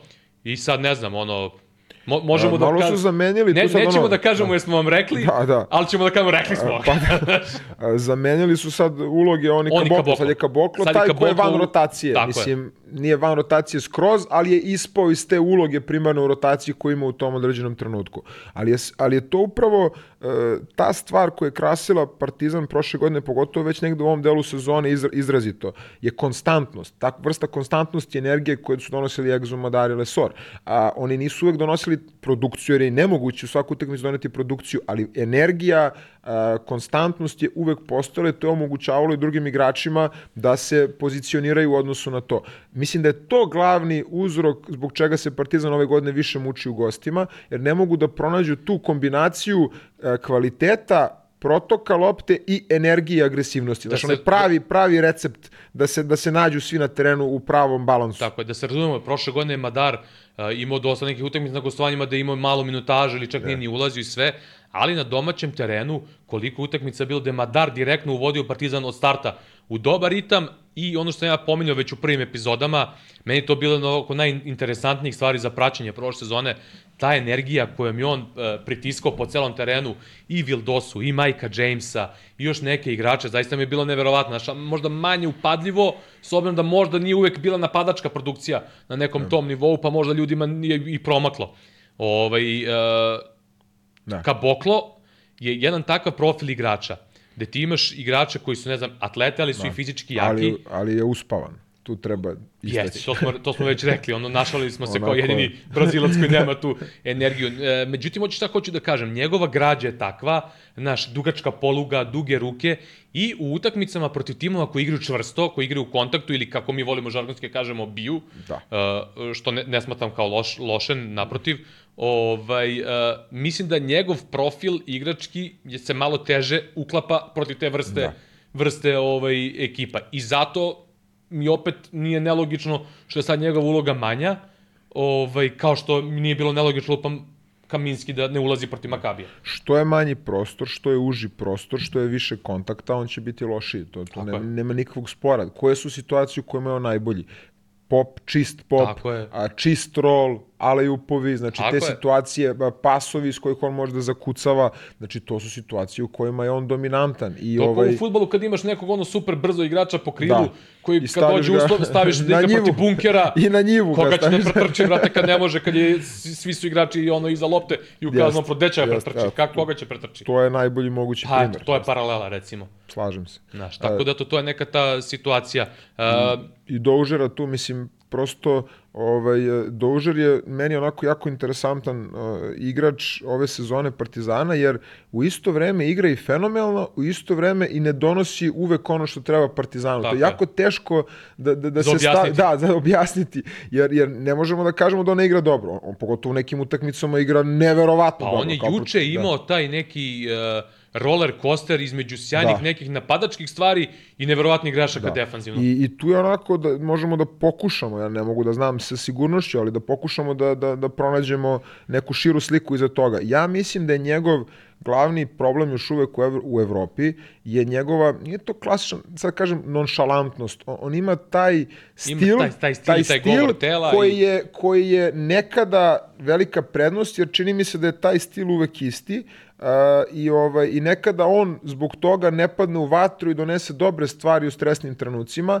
a nekada to Gde je potrebno da padne u nekada gde je vatru, potrebno, on ostane u tom istom intenzitetu, u istoj brzini igra konstantno i onda ga to ovaj, prosto ne oseti da se utakmica možda da mora malo opreznije da bude s driblingom, da možda neće sudije svirati nužno kontakt u tim situacijama. Čini mi se da tu vrstu razumevanja konteksta utakmice nema u ovom trenutku, nego onako još uvek je na tom američkom uh, Podešavanju, da, da. ono kao to je to, ja To igram to. svoju ulogu, svoje minute, svoje pozicije, tražim i ne prilagođava se dovoljno, uh, možda kažem, promenjenom kriterijumu, uh, pritisku sa tribina, publika, utakmica je drugačija, nego onako njemu je sve to, znaš, zabavno, sve je to njemu kao ono deo igre, da, ne, nema taj uh, biti ili ne biti moment u svojoj igri. Mislim da je to možda Pa pričali smo glavni puta da. o tom sense of urgency. I jeste, upravo to, Znaš. taj osjećaj hitnosti, mislim da mu fali i onda se dešavaju ti, te amplitude, kažem da je on ono, u nekom trenutku ubedljivo najbolji igrač Partizana koji izgleda kao da će, ne znam, ono, da se tuku oko njega Real, Barcelona ili da se tuku oko njega igrači, ovaj, timovi iz NBA lige da ga vrate, a onda u sledećem trenutku izgleda kao da ti on izgubi utakmicu sa nekim odlukama i sa pasovima i prosto onako baš, baš, baš eh, specifična situacija za Da, dosta nekih, Analizu. e, bila ona jedna situacija, ovaj, ističe vreme u korneru, Šengelija diže s parketa loptu 3 sekunde do kraja, znaš, njega je povukla lopta da napadne, E, ok, lako je pametovati iz fotelje i da kažeš mirnog pulsa i sve ostalo, ovaj, ali znaš, ono, Šengelija u toj situaciji je bezopasan, ono, Znaš koja je meni Isteklo bi vreme, da, bukvalno. Znaš koja je meni situacija bila? Ona, ona fenomenalna blokada Koprivice, mm -hmm. gde je odmah izgubio loptu u do kontri, užeru u kontri. u kontri, on kad je jer je povukao upravo, ali način na koji je povukao upravo to nonšalantno. Znači, Pajola mislim da mu je uzeo loptu. Da. Nije na kraju, ja mislim da nije na kraju Virtus dao koš iz, iz te ukradene Nije, lopte, nije, nije. ali je opet nekako u tom trenutku taj, e, to ubistvo momentum, jer blokada je bila brutalna. Brutalna I, i- i, to je taj nalet, tu sad moraš da, znaš, da nađeš pravo rešenje, onda odmah se vratilo, bi-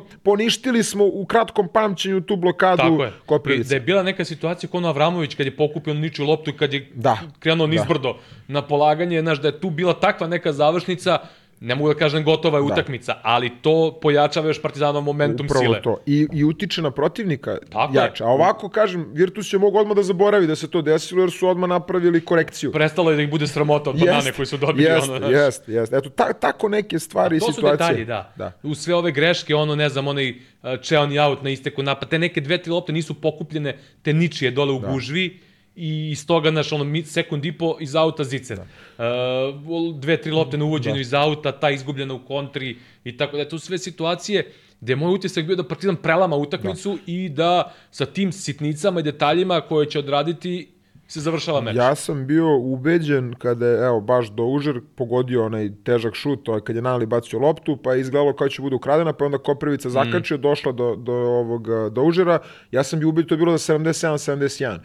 Tri minuta otprilike do kraja Tako, bilo. da. Ja sam bio ubeđen da je to trenutak gde je Partizan prelomio utakmicu. Jer obično takvim neizvesnim, uh, ono udarac za udarac utakmicama, kad se desi takav neki Taka stvar, koš da. težak, uh, da to obično ubije u pojam protivnika Ono što i digne Amerikanci tebe. zovu dagger. Je, Jest, to jest. je to. I to mi je baš izgledalo kao trenutak gde je Partizan slomio utakmicu. Mislim, ne bukvalno, naravno, mora još da se igra, ali da je to taj eh, preokret, onaj konačni momentuma i onda se desilo to ludilo Virtusa, herojstvo Kordinijeja i Lundberga i te ukradene lopte koje su stvari na kraju i prelomile utakmicu. Da, Partizanovo preuzimanje je vratilo crno-bele u život, iako je Partizan tokom prvog polovremena, posebno u onim situacijama na kretnjama Belinelija pokušavao da ispreuzima dosta nekih stvari gde, gde je Partizan bio koncentrisan. Interesantna startna postava trenera Obradovića. Negde Smith, I logično. nijotkuda. Pa da, Smith, e, sad, e, kontam da je e, treneru Obradoviću bio, bila jedna od glavnih ideja fizički da isparira na početku, jer Virtus dosta toga gradi na čvrstoj igri, na, na toj odbrani, gde su oni u prvoj utakmici odigli neverovatno agresivno na, na Panteru, na Naneliju i sve ostalo. Ovde na neki način e, je e, Partizan bio sa, tim, s tom spoljnom linijom i unutrašnjom linijom koje su tela i pokušavali su da malo pomere e, teret igre, a opet možda se negde računalo i ono, revenge game čuveni za, za Jelena Smitha, koji korektno odradio, Jest, da jest. kažemo, tu neku svoju ulogu. I ta petorka je onako dobro, dobro isparira, isparirala Virtusu, da tako kažem, fizički pre svega, i rezultat je bio takav da, da, da je Partizan čak bio u vodstvu. Iako, znaš, nije to bilo neko veliko vodstvo, ali s obzirom kakva je utakmica bila, na koliki broj poena, bilo je vodstvo. Jest, jest. Ovaj, pa ja verujem da je, da je bio faktor to što ipak Smith igra protiv svoje bivše ekipe. Donekle, ne kažem da je to bio dominantan faktor u odluci da on počne, ali više ovo što si pomenuo za, za, za telo koje može da parira, ali generalno zato kažem, to je utakmica stvarno Virtus je koliko 16-9, mislim, ovaj, igra, igra fenomenalnu sezonu, Partizan je stvarno odigrao, kada se pogleda ono telo cele utakmice, mislim, odigrao dobru utakmicu i kažem, bili su blizu, eto na kraju je zafalilo to malo što je zafalilo, potrošili su se dosta neki igrači protiv Monaka, mislim da je i to bio jedan od važnih faktora zbog čega je, ne znam, Lede igrao 11 minuta Tako je, samo. tako je. A, Pritom, pritom ovaj, treba reći da je Partizan imao fizički, dve vrlo zahtevne fizičke utakmice, jer Monako je tim koji isto igra neverovatno fizički jako i sve. Znaš, dve takve utakmice u tri dana, pa nakon I derbija, to, mislim, to je zaista, znaš, ono, neverovatan napor i zato i kažem, e, i kad smo pričali u najavi ovog duplog kola da će biti jako teško Partizanu da izvuče ako bi jednu pobedu izvukao ta dva gostovanja da bi to bilo fenomenalno. I oni su bili blizu, nažalost nije se to desilo protiv Virtusa, ali ne treba ovaj to doživljavati pretarano tragično, jednostavno to je tako i mislim da navijači Zvezde i Partizana ove godine moraju da se naviknu na taj e, drugačiji doživljaj utakmica, važnosti utakmica, da prosto desilo se, por idemo dalje, ima još mnogo utakmica koje mogu da se poprave ovaj, taj rezultat, jer na kraju krajeva ni drugi nisu pobegli Tako sad je. pet pobeda, Niti nego je, mogu da niti pobegnu. mogu jer će igrati međusobno, pa će opet tu da bude klanica, neko će ući u lošu seriju, neko će ući u dobru. pa će dođu tebi u goste, pa ne znam, bit će tu je- koliko povreda je samo ove sezone i koliko, koliki je to faktor u brojnim utakmicama, mislim, znaš, ono, dođe ti neki tim koji je imao 3-4 pobede, pa su, pa imaju pet povreda, pa pao im je ono tonus i sve ostalo, znaš, totalno je, te, teško je predvidivo, I zato smo i pričali milion puta, ne treba uopšte uh, padati niti u neku euforiju, niti u neku depresiju posle određenih utakmica, ali to je bukvalno sad on, next game mentality da. ko u NBA-u, mor, moraju jednostavno svi to, i to smo rekli u prvoj epizodi, moraju svi da se priviknu na to. Od igrača, trenera koji su se već privikli na neki način, do novinara, e, publike i svega ostalog, znaš. Jedno- Jednostavno, po, to je drugačiji sport sada. Tako je.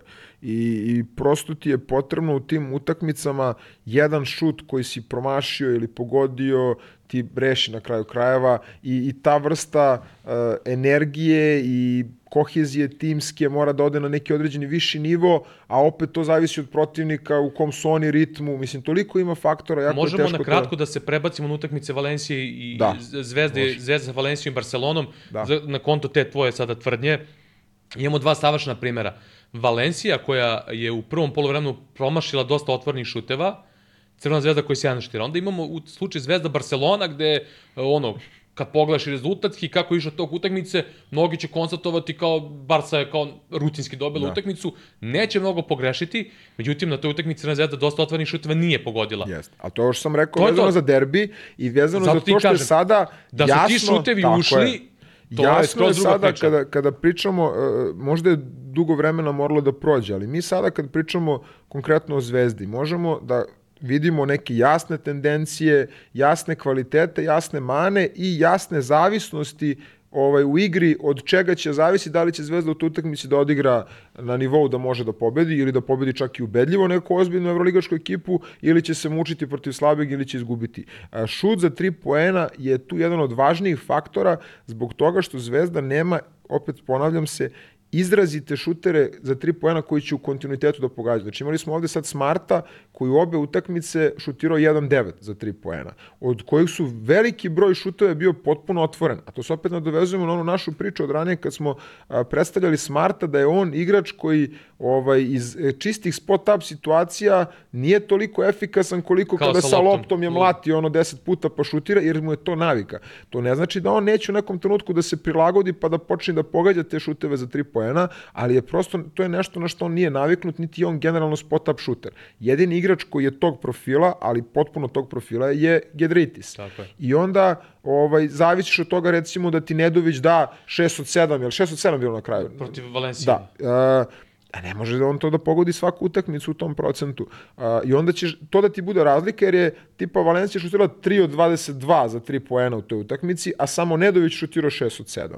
A, I onda će tu da, u stvari tu ti se napravi razlika, taj utisak kad gledaš utakmicu nije toliko, ovaj, ti se hoćeš 20 razlike ili 15-16 razlike, gledaš obe ekipe na terenu, nemaš utisak da je to ta razlika bila u igri, nego prosto ti šutevi koje pogodiš ili promašiš naprave razliku kao što su napravili protiv Barcelone, kao što je Brizuela bio Nedović iz utakmice Tako je. Zvezda Valencija, Brizuela je bio igrač protiv Barcelone koji je pogodio šuteve, ok, neki su bili otvoreni, ne znam, Jago je propustio e, nesporazum Jaga i Tobija gde je Jago otišao na drop, Tobi ostao na Ostao, skrineru, gde vidimo ono po načinu na koje je reagovao Jago da to nije bio Dogovor, pretpostavljan da. dogovor, gde je ostao Brizuela samo što za tri poena, pa ga par pa je onda recimo bila situacija gde su se Nedović i Teodosić se nisu sporazumeli na preuzimanju, branili su inicijalno Ajs, to jest ono usmeravanje bočno, Teodosić je dozvolio sredinu, onda je očekivao da će Nedović da preuzme, Nedović je bio preduboko, nije mogu da stigne, opet ide tri poena, To su sve, ali to su sve stvari koje se dešavaju na utakmicama, samo igrači ne pogode uvek. Tako I je. onda kad god se pogodi, to izgleda mnogo gore. Gore nego što... Nego što a, je- a, a- a, mnogo a puta, se a mnogo puta mnogi konstatuju kao dobra odbrana, znaš. Da. A on neko promaši relativno otvoren šut iz, iz neke greške. I, I tu je recimo protiv Valencije, to je bio glavni faktor, s tim što je Valencija onako uh, negde previše sporo igrala, to sad zvuči glupo, ali su onako, e, predugo su im trajali napadi, konstantno su tražili neki višak, Zvezda je tu pametno branila e, te njihove inicijalne primarne opcije i onda su konstantno ulazili u situacije da moraju da rešavaju sa istekom vremena, faktički Da. napada, što je dodatno pomoglo tu lošu realizaciju, Realizaciju. i da Zvezdina Čak i odbrana od- čak bude. i otvorenih šuteva, Jest. da. Jer ovaj nije tu isto, onda mora Odželeje da šutira težak šut, onda Harper uzima neki težak šut iz kornera, jer ovaj, i onda i kad ostanu sami posle, to se sve odrazi na taj ritam. I a, tu bih istakao, sad tu meni nije jasno, a, Valencija se pojačala, što stoji, ali onda sad recimo ta varijanta da Harper i Pengos igraju zajedno, mislim Utiče da ubija... agresivnost u odbrani. A pričali smo o tome ko je njihov najveći kvalitet ove sezone i meni se negde ta koncepcija Valencije izuzetno dopada. Oni su ove godine onako čvrsta jedna muška ekipa, mm -hmm. uh, onako konkretna, sa dobrim telima, uh, dobar intenzitet u odbrani, pametno isto igraju odbranu, gde ti sad odjednom sa ta dva igrača uh, ne znam koliko si dobio u kreativnosti i napadačkom ritmu, pogotovo što Pengos nije u tom, ovaj, nije na tom nivou na kom je bio ranije, a opet si mnogo izgubio u agresivnosti i u kvalitetu odbrane. Jeste. Uh, jedno pitanje za tebe. Gde su nama nestale Brizuele? Brizuela, pa to je ono Da- da pitanje tako- da Vesa složim. Petrović, da. Gde su nama nestali ti igrači kao Dario Brizuela, uh, koji je to igračko-španski reprezentativac, koji je bio deo ekipe koja je osvojila evropsko prvenstvo sa dobrom ulogom sa klupe, a igrač koji je to godinama igrao u, u da kažemo, ne na nižem nivou, nego u, ne znam, Unikahi, ovamo, namo igrao je uh, be, uh, BCL, tamo ovamo, ali to je igrač koji zna da igra košarku i kakvi smo mi imali koliko hoćeš ranije, da. I evo, on sad dođe prvi put maltene u Euroligu kao neki ono igrač uloge u Barsi i odigra onakvu utakmicu. Uh, Koliko nama to sad ja fali ću da ti vratim kon, kontra pitanjem, gde su nama nestali šuteri? Pa dobro, da. Šuteri, šuteri, ali kad kažem šuteri, ja ne mislim na šutere koji nešto pogode, nešto promaše. Pričamo o šuterima nivoa, ne znam, ono, JC Carroll, mislim. Tripković, ako ćemo Tripković, vraćamo- recimo, da, Tripković je dobar primer. Dobro, Bogdan je onako više skorer iz svih mogućih situacija, ali je isto i odličan šuter. A, de, de su ti igrači? Mislim, e, to, to, je, to je stvar koja je, koja je tu jako bitna. Ti moraš da imaš, pogotovo u današnjoj košarci, a, moraš da imaš izuzetne šutere. Znači, ne ono šutere tipa kao što, nažalost, opet mora se vratiti, i ono sam ga već pomenuo, Saša Stefanović koji se penzionisao, Da, da. ovaj, prerano za moj ukus. Mislim, to, je, e, to su igrači za koje ti Se radi. moraš da stvaraš Tako je. i moraš da ih pustiš Tako je. da šutiraju. Jer, jer na nekoj utakmici, jer to, to je tako specifičan mentalitet, ono, to snajperiste, mislim, ti ne, ti ne možeš sad e, tu, moraš da nađeš žicu sa tim igračima gde e, napraviš tu vrstu komunikacije da mu dozvoliš povremena preterivanja, a opet znaš gde da ga sečeš, a da ga zadržiš u samopouzdanju da nastavi da šutira. A on ako ti to donese i pritom znaš, uloga J.C. Carrolla je bila takva, ulazi na po ne znam 5 minuta, Mikrotalasna. mikrotalasna bukvalno na po 5 minuta i ima svu slobodu, on je I ono, to što igra u tom uh, relativno kratko, on ima ono visok usage. usage znači, da. I, brate, ako on to sve ispogađa, protivnik je ubijen u pojem. tako je. I evo recimo imamo sad taj primer, ono pominjao sam ono kad, ono, posle Pariza i sve, uh, Cleveland sa Samom Merrillom, na primer. Eto, to je to, isti da. koleč koji i J.C. Carroll, isti, iste neke stvari. Znači on kad uđe, u tom periodu tap, tap, tap, to se igra za njega i, i ono. Pa, pa u posljednje vreme imaš uh, Miami koji već godinama da. Izmišlja po znacima navodnika vrhunske šutere, dodaje im dva, tri kvaliteta koji im omogućavaju da ostanu na terenu, da ne bude da je samo šut, da ne bude ono Steve Novak fazon, Da. nego da mogu eventualno Jest. neku Max Trus, ta, ta vrsta igrača, da, da odigraju neku odbranu. Znači imaju konstantnu situaciju gde pretvaraju izrazite šutere za tri poena igrače koji mogu da doprinesu dovoljno drugih stvari da ostanu na terenu. A opet imaju i par primera igrača koji nisu bili vrhunski šuteri, nego su radili te dve, tri stvari Jeste. od kojih su napravili i šutere. Jeste. I, I sad... sad Miami ima tu tendenciju da često ima po nekoliko igrača koji su u stanju da ubace po četiri trojke na utakmici. Jeste. I, ova, I to je opet neka vrsta i skautinga, i razvoja igrača, i timskog trenera, i psihologije. I sve to zajedno mora da se sklopi da bi se, da bi se dogodio taj moment. Nije nemoguće praviti brizuele, znači uopšte nije da mi nemamo... Samo im treba dati šansu. Tako je, treba, uh, treba predvideti situacije za neke potencijalne brizuele, naći igrače koji, sad specifično sa šuterima, ti moraš da nađeš igrača koji nema baš savest, Znači mora Tako da je. bude malo lud, malo blesav mora da bude na tu stranu, a opet dovoljno pametan da negde možeš i da ga iznivelišeš u, znaš, u skladu sa ekipom, da, da nađeš neku liniju zajedničku gde će on opet biti svestan da je nekad možda preterao, a da opet i treba tebi da on... Pre... Znači, to su tako pipave stvari, elementi koje samo treba da se tome postiš na tom nivou i ja sam ubeđen, mislim, ono, košarku gledam od uh, beton lige do, do, do vrhunskog nivoa i, i radim u mlađim kategorijama i viđam e, stalno igrače koji imaju vrlo, vrlo interesantan potencijal za šutere, samo treba to gajiti. Znači, treba gajiti jer su to specifične biljke, e, neće se šuter sam napraviti, barem ne u ovoj današnjoj košarci, jer možda neće imati dovoljno fizičkih predispozicija da dođe u pozicije. Isto tako, imamo situacije gde ekipe u kojima igraju neki izraziti šuteri, znači ono, mene konkretno padaju, neću naravno da pominjem u tom uzrastu igrače, ali konkretno imam primjera u svojoj glavi klinaca koji ti vidiš da je on stvarno ono ima ruku i, i kada bi se to u pravom smeru profilisalo bi mogu da bude brutalan šuter na profesionalnom nivou, ali recimo igra u ekipi koja ne zna da iskreira za njega situacije, nisu saigrači na tom nivou, niti se možda igra na taj način i onda to negde kopni, nestaje taj kvalitet E. i onda vremenom za dve, tri godine, ako se to ne profiliše, to je gotovo. Mi sad imamo tu situaciju, ono što smo pričali, da su Španci preuzeli sve ono Tako naše, je.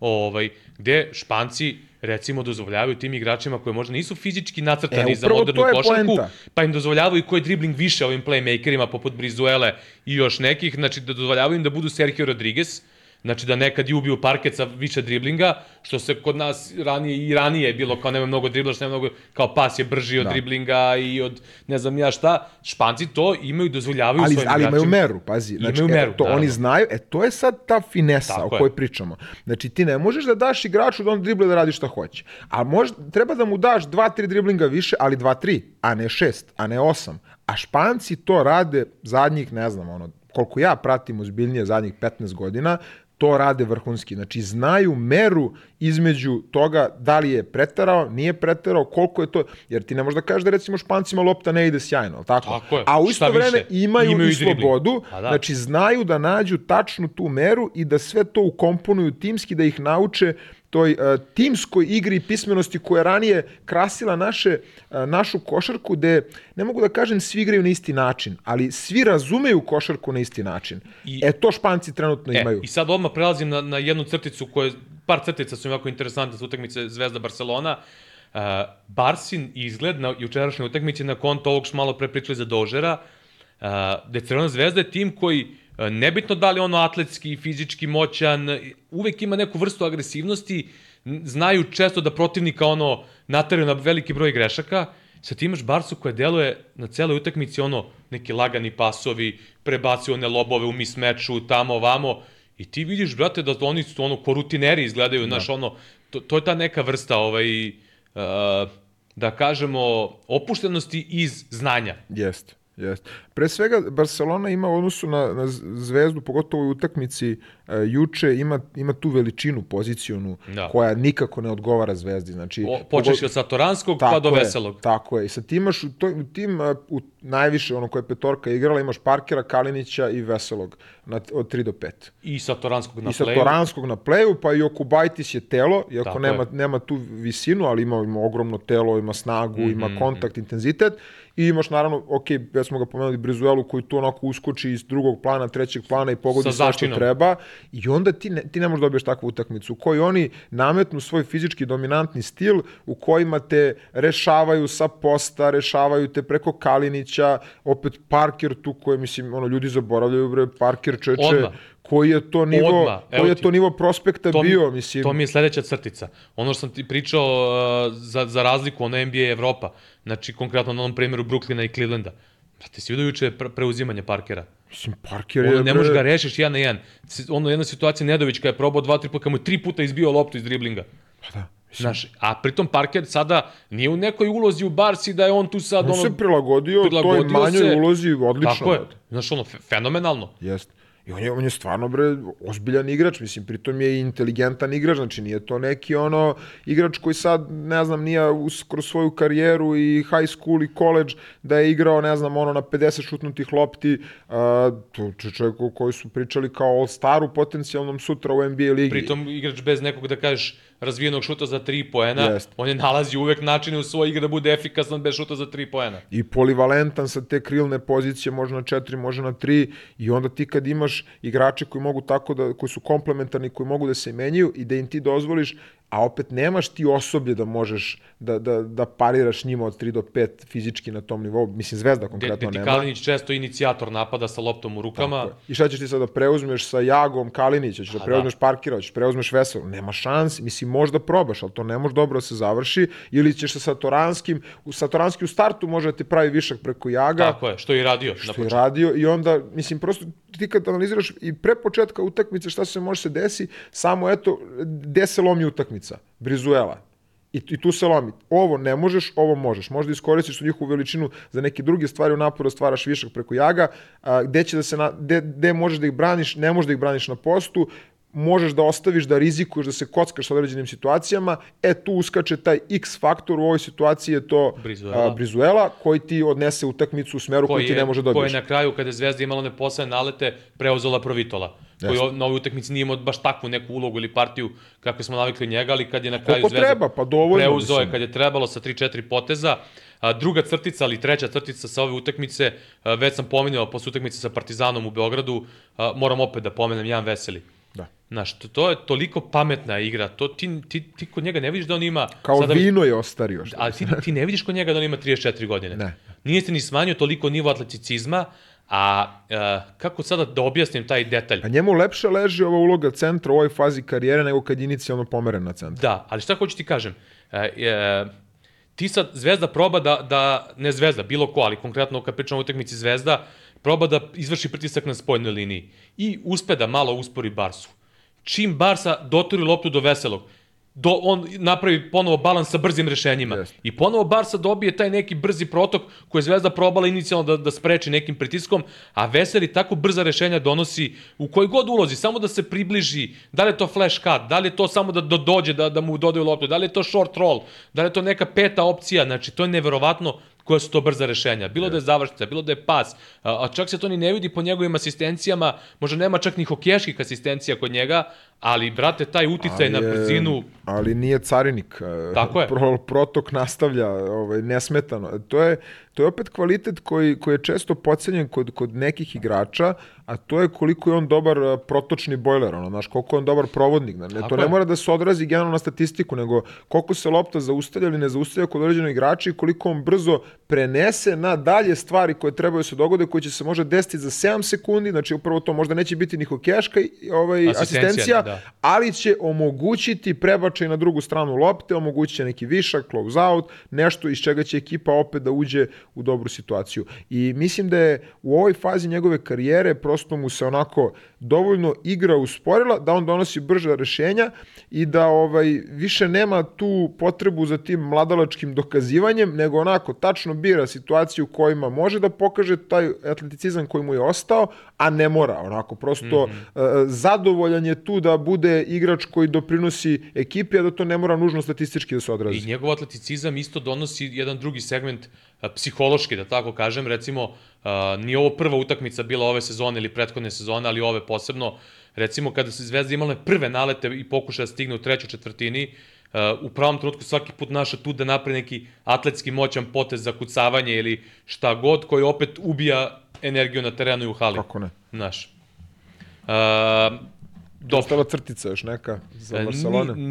Nije. Nije, ovaj, šta hoću da kažem, jedan faktor koji moramo isto da ukalkulišemo, vrlo bitan iz ugla evropske košarke, odnosno Evrolige, večiti sada imaju dve utakmice gde bukvalno ne sme se priča ni o čemu osim o pobedi. Znači sad nema ono kao može, znači ovo su obe utakmice koje moraju se dobiti, Žalgiris i Bayern za, par, za Partizan i Zvezdu. Nakon toga Zvezda ide Bayernu, Partizan čeka Efes. E, sad dolazimo do specifičnosti Euroligi i Evropske košarke.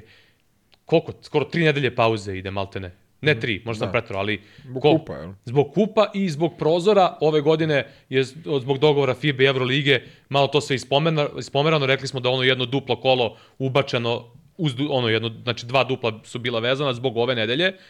I ti sad imaš, ideš u drugo takmičenje, imaš reprezentacije, i konkretno u slučaju... A rešavati se sezona. Rešavati se sezona da, da. sa dve vrlo bitne utakmice posle te pauze. Kako ta pauza može da utiče? A, šta može se desiti umeđu vremenu? Kup takmičenja gde ne možeš da računaš sve igrače zbog ograničenja stranaca. Idu ti neki u reprezentaciju.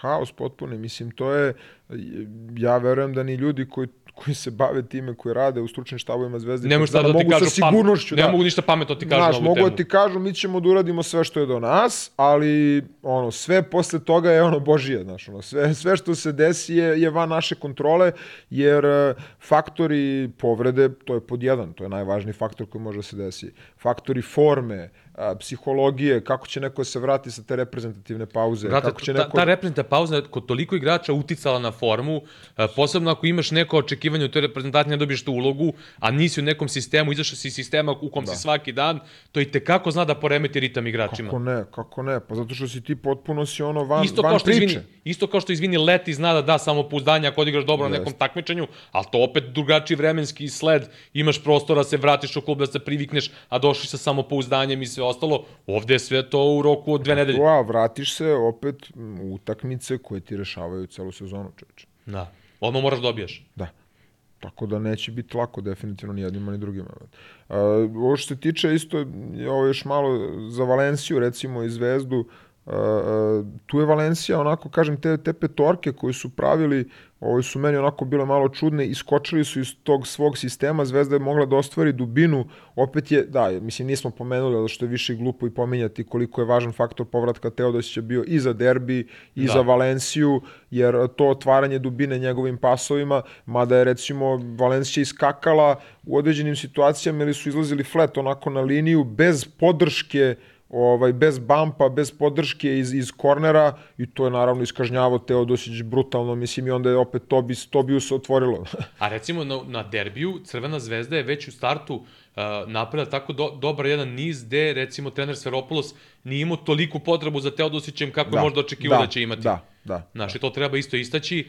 Ovaj, uh, isto ne znam, ta Valencijina zona dala neke solidne rezultate, od kasnije odustao od nje. Ovaj... Da. Pa mislim zato što se u suštini plaši. Mislim, prosto ti znaš da kad god se vrati Teodosić na teren, da će on Tako da pronađe da. rešenje na, na, i na tu zonu i, i na, i na šta god. Zvezde, znači, pričali smo iz ugla Albe protiv Partizana i protiv Zvezde, Alba protiv Partizana plan igrala zonu skoro celu utakmicu, Partizan ne sme da igra i zbog Teodosića i zbog ofazivnog skoka, i zbog nekolicine faktora Pogotovo što je i Nedović, kažem, bio u takvoj šuterskoj seriji mm -hmm. da prosto ti ne smeš tu pretrano Jer da jednostavno ti protiv Zvezde zna se ko je glavna, ono da kažeš, snaga. Ako ti popustiš agresivnost na, na spoljnoj liniji, to ti otvara milion drugih opcija i zbog toga se timovi malo ređe, čini mi se, odlučuju da igraju zonu protiv. Zvezde. Moje neko mišljenje. Ne znam. Jest, slažem se, mislim, to, to je to. Uh, dobro, uh, ajde da pređemo na još neke stvari. recimo, o, ja sam pogledao nekoliko utakmica u ovim kolima, juče su mi bile vrlo interesantne utakmice FS Armani, to su oni timovi, ajde možemo sad da bacimo tu priču. Znaš ono Bill Simmons što ima kao uh, League Pass, kao omiljene ekipe Aha. na League Passu. Uh, koje su tebi recimo omiljene ekipe, znači ne računajući uh, naše timove, koje su ti ekipe koje najviše voliš da gledaš? Mi, ja sam, mi smo pominjali nekim epizodama da ja uvek recimo volim da gledam ekipe koje vode trener Obradović, i Tudis, Trinkieri, Messina, šta znam. Iz tog ugla meni je top utakmica bila FS Armani uh, zbog, i zbog specifičnosti trenutka i uh, sve ostalo i mislim da je imalo zaista svašta da se vidi, znaš. Volim ne. te ekipe koje imaju neke principe, koje igraju moderno, I bilo mi to interesantno, bila mi interesantna utakmica recimo Žalgiris Panathinaikos. Da. Pa meni je uvek ovaj sad kad si pomenuo iz te perspektive praćenja trenera i njihovih ekipa, meni je Trinkieri uvek ovaj Isto. uvek favorit.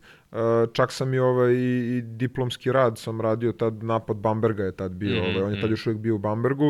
Uh, I on to je ona sezona kada ovaj kada im je svako kolo falilo po poen, pa na kraju tako nisu je. ušli u play-off, a imali igrali su fenomenalnu mm. košarku. Ovaj tako da recimo uvek su mi ekipe koje vodi uh, Trinkieri, evo i sad je negde aktivirao Žalgiris još bolje nego što sam očekivao mm -hmm. iskreno. Dao je nekim igračima veće uloge, promenio je neke stvari. Promešao je on to baš, baš onako dobro, fino. Da. I našo, recimo, Birutisu je našo, našo nikad ne bih očekivao da će, recimo, baš njega da, da digne. Ali ako naš. se setiš, on kad došao u Partizan, za kratko vreme isto pretumbao dosta stvari, uz kasnije dva, tri neka pojačanja kad su došli, ne znam, Remfrau i, i Janković u tom trenutku. Vrlo brzo je Partizan onako promenio neki totalno izgled ove te sezone. Da.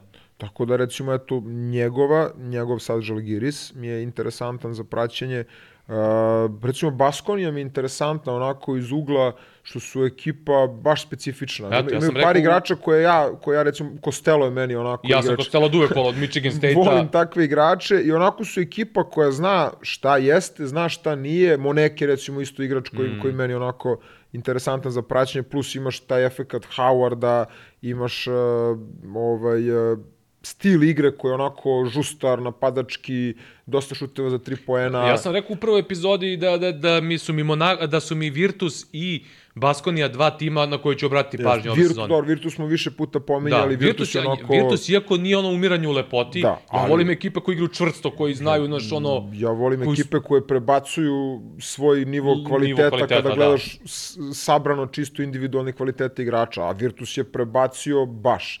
Ovaj, Real Madrid mi je onako neko očigledan odgovor, mada generalno da, jesu, da. jesu on... ekipa koja je interesantno pratiti, ali su mi previše... Toliko su dominantni u nekim momentima da, da, da su mi utakmice nisu interesantne. Yes. Ono, znaš. Uh, Alba mi je pre bila ove godine Jeste, ne, da, ove isto. godine ne, dok je bio Sikma. Recimo, evo, Olimpijakos je ekipa koja je meni izuzetno interesantna. Znači, oni ove godine su ispod ovaj, negde... Underachieveri su jeste, trenutno, a opet, ali su opet imaju... onako ozbiljno vođena priča, a, čvrsti, dosta dobrih, dosta dobro rade fundamentalne stvari. Mm -hmm. Znači, utrčavanja dosta... Već smo pričali o tome e, neko, upravo to, puta. Zato je recimo meni Olimpijakos ekipa, iako trenutno nisu na tom nivou, oni su onako da, da uđu kao deseti u play-in, da mogu da osvoje ligu. Ta, ta, ta vrsta ekipe su mi. Da. Onako da teško ulaze u neke pobedničke serije, jer su čvrsti svaka utakmica im je bitka ovaj, na borbu, a opet uh, kad na, ne vidim koju ekipu oni ne mogu da pobede. Prosto. Bar sam isto lep, lepo na momente deluje,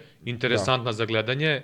Ovaj, dosta, često mi, da kažemo, te neki ono osjećaj za gledanje utakmice zavisi od hale u kojoj se igra i od trenutka sezone.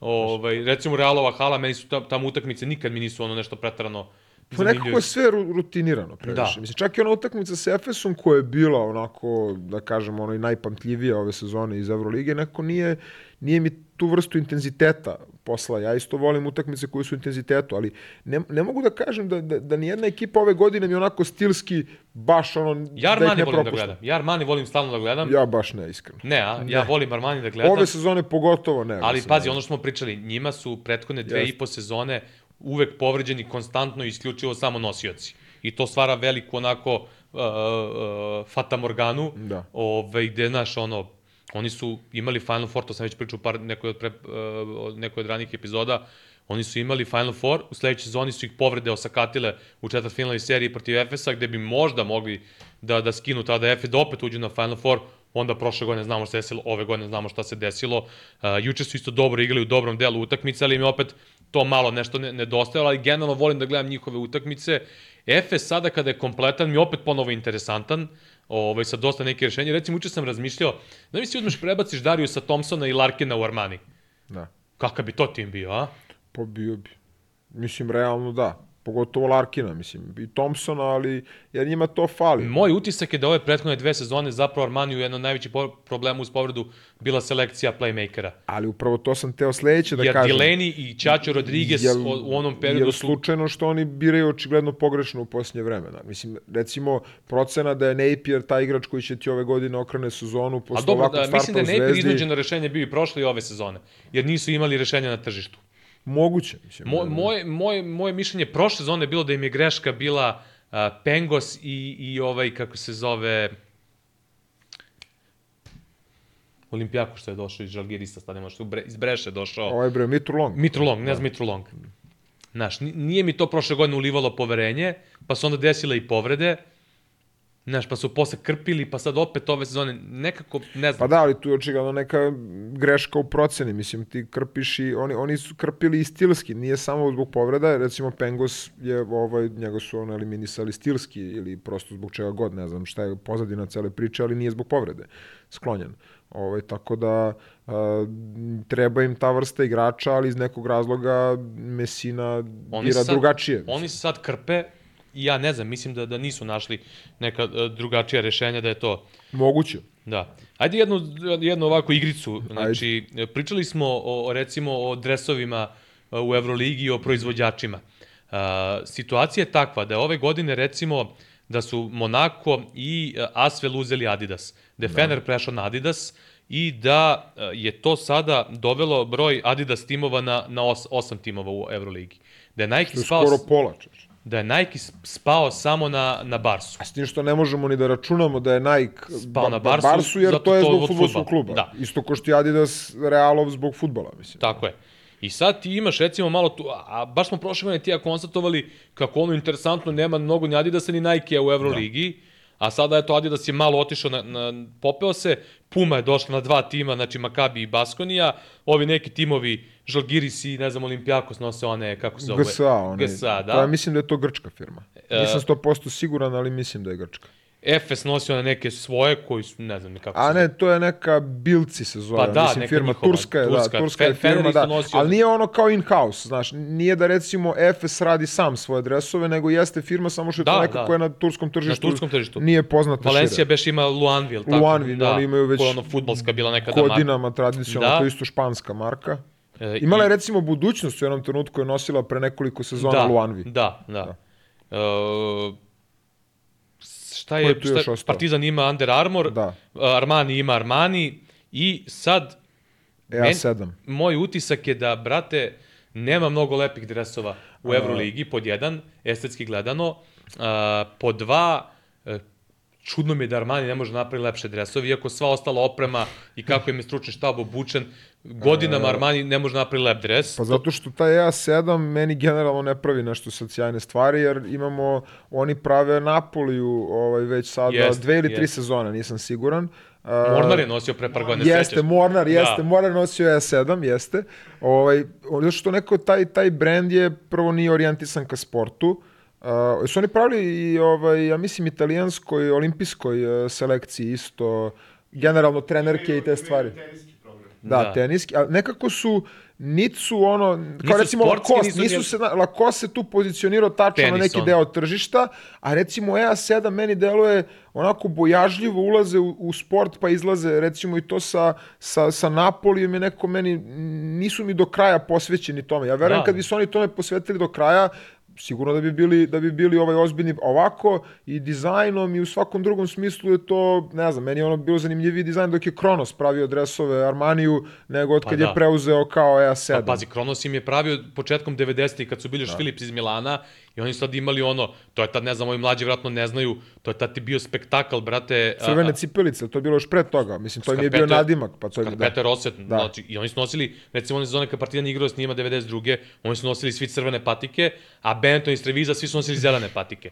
I sad ti u onom trenutku, 90, ranih 90-ih, kad ono fazon Da, ko, ko je imao crne, bio je bog, a ovi nose crvene i zelene, brate. Nemamo se zezamo, je. Da. Znaš, ono, italijani, brate, kad naprave to, to samo oni mogu, brate, da naprave, da izvuku, da to izgleda tako cool, ovaj, i to mi je bilo fenomenalno, znaš, ono, Benetton je tad imao dresove, Uh, imali su one sa onim krugom ovako da. broj i ako se sećaš jedan Sisli je nosio Benetton imao takve košarkaške pa sa onim nekim zvezdicama po dresu koje nisu ono kako bi ti rekao nalepljene su i iste su boje ali samo pod određenom uglom Aha, svetla ti ih vidiš da i Sisli je imao tada Ovo seća se jedan moj drugar iz osnovne škole imao dres Lorenza Bernardija iz Sislija od bojkaški dres isto tako bio znaš ono mislim to je ista kuća ono da. Sisli Benetton ovaj tako da to su mi bilo ovako interesantne stvari a, Ne, pa nema, E, e, nema. Macron pravi Virtusu Jeste. i Virtus ima cool dresove, s tim da su mi oni koji nose u domaćem prvenstvu lepši Da. nego On- ovi iz Evrolige. Oni već godinama imaju tu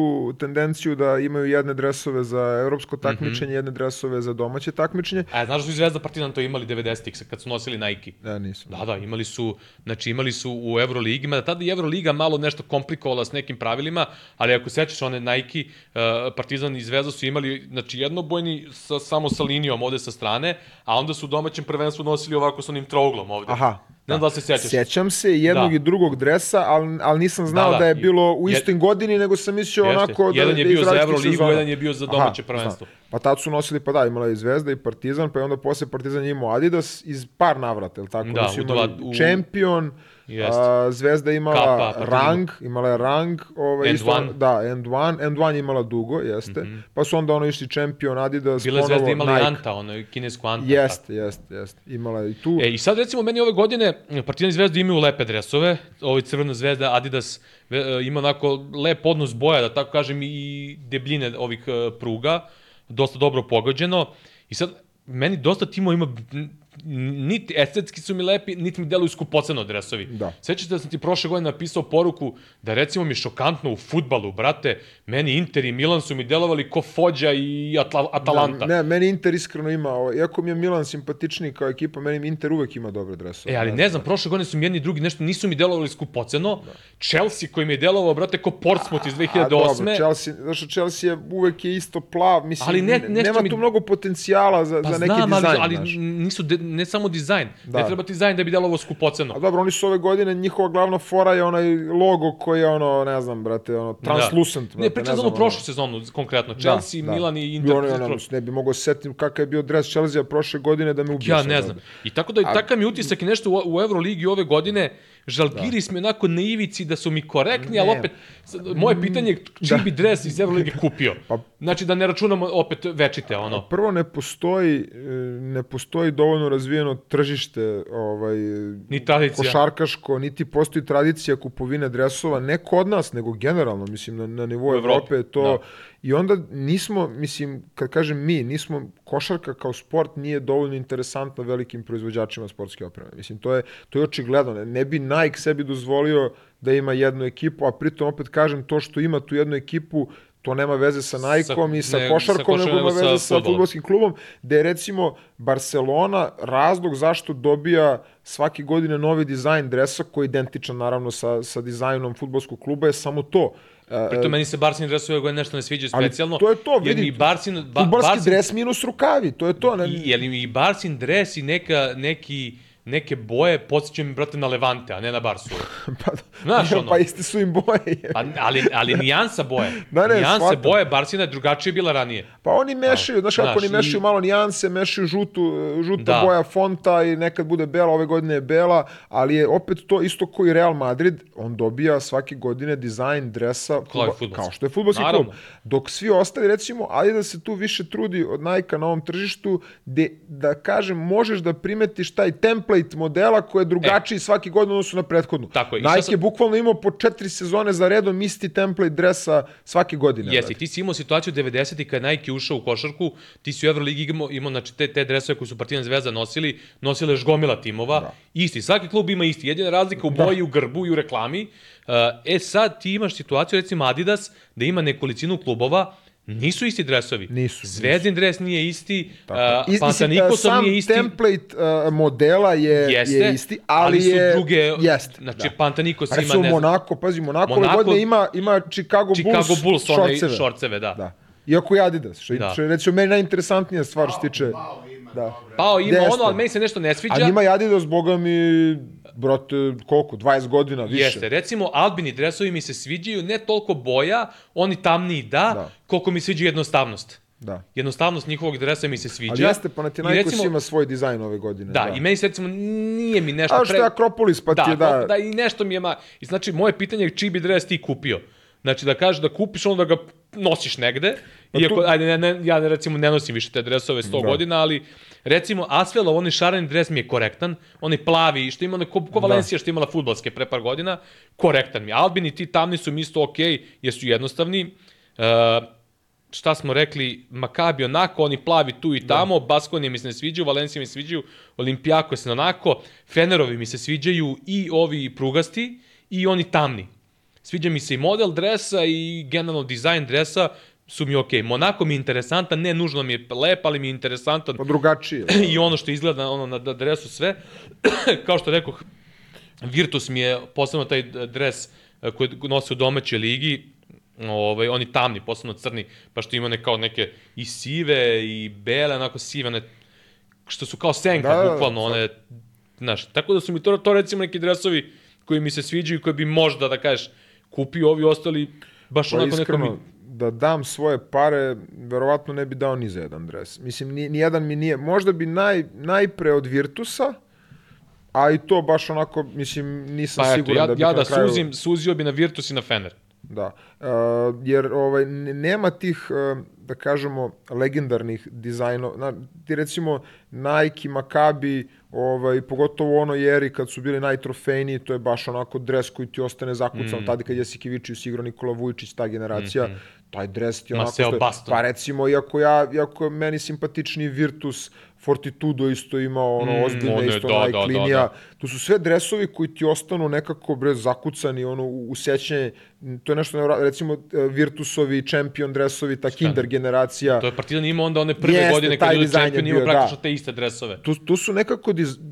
mislim, možda što smo bili mlađi, pa tad kao pratiš, pa ti to sve novo, ajde da, da dodamo Moguće, ovaj, taj, taj ta, element nostalgije sigurno postoji, ali su to onako bili dizajni koji ti ostanu ovaj, baš, baš, baš, baš zakucani. U sada nema, nema te vrste identiteta. E, treba da, da napomenem da je Puma generalno počela malo više u košarku, košarku, da to smo ulaže i pričali, da. i, ovaj, i ono, uzimaju igrače i recimo Scoot Henderson ima svoju liniju patika. Mislim. To je tema koju ću za neku sledećih epizoda da izvučemo. Negde sam čitao sve igrače koji imaju svoju kao ovaj, uh, patiku, a da ono fazon niko nema pojma da imaju. Znači to su neki brendovi za koje ja nikad nisam čuo, a ima recimo, ne znam, ono, ima bre ovaj iz, iz, iz San Antonija, bre, ima, ima tako nekoliko igrača koji nikad ne bi čovjek ni rekao da imaju svoju patiku. A reci ti meni, jesi video Nike Book One, ove nove Bookerove patike? Jesam, kako ne. To Meni su, se mnogo sviđaju, zato što... Ali su su lažne Air Force. Ali e, neka kombinacija i Air Force-a i modernog i old schoola i Meni se svega. ne sviđaju uopšte. Ne sviđa,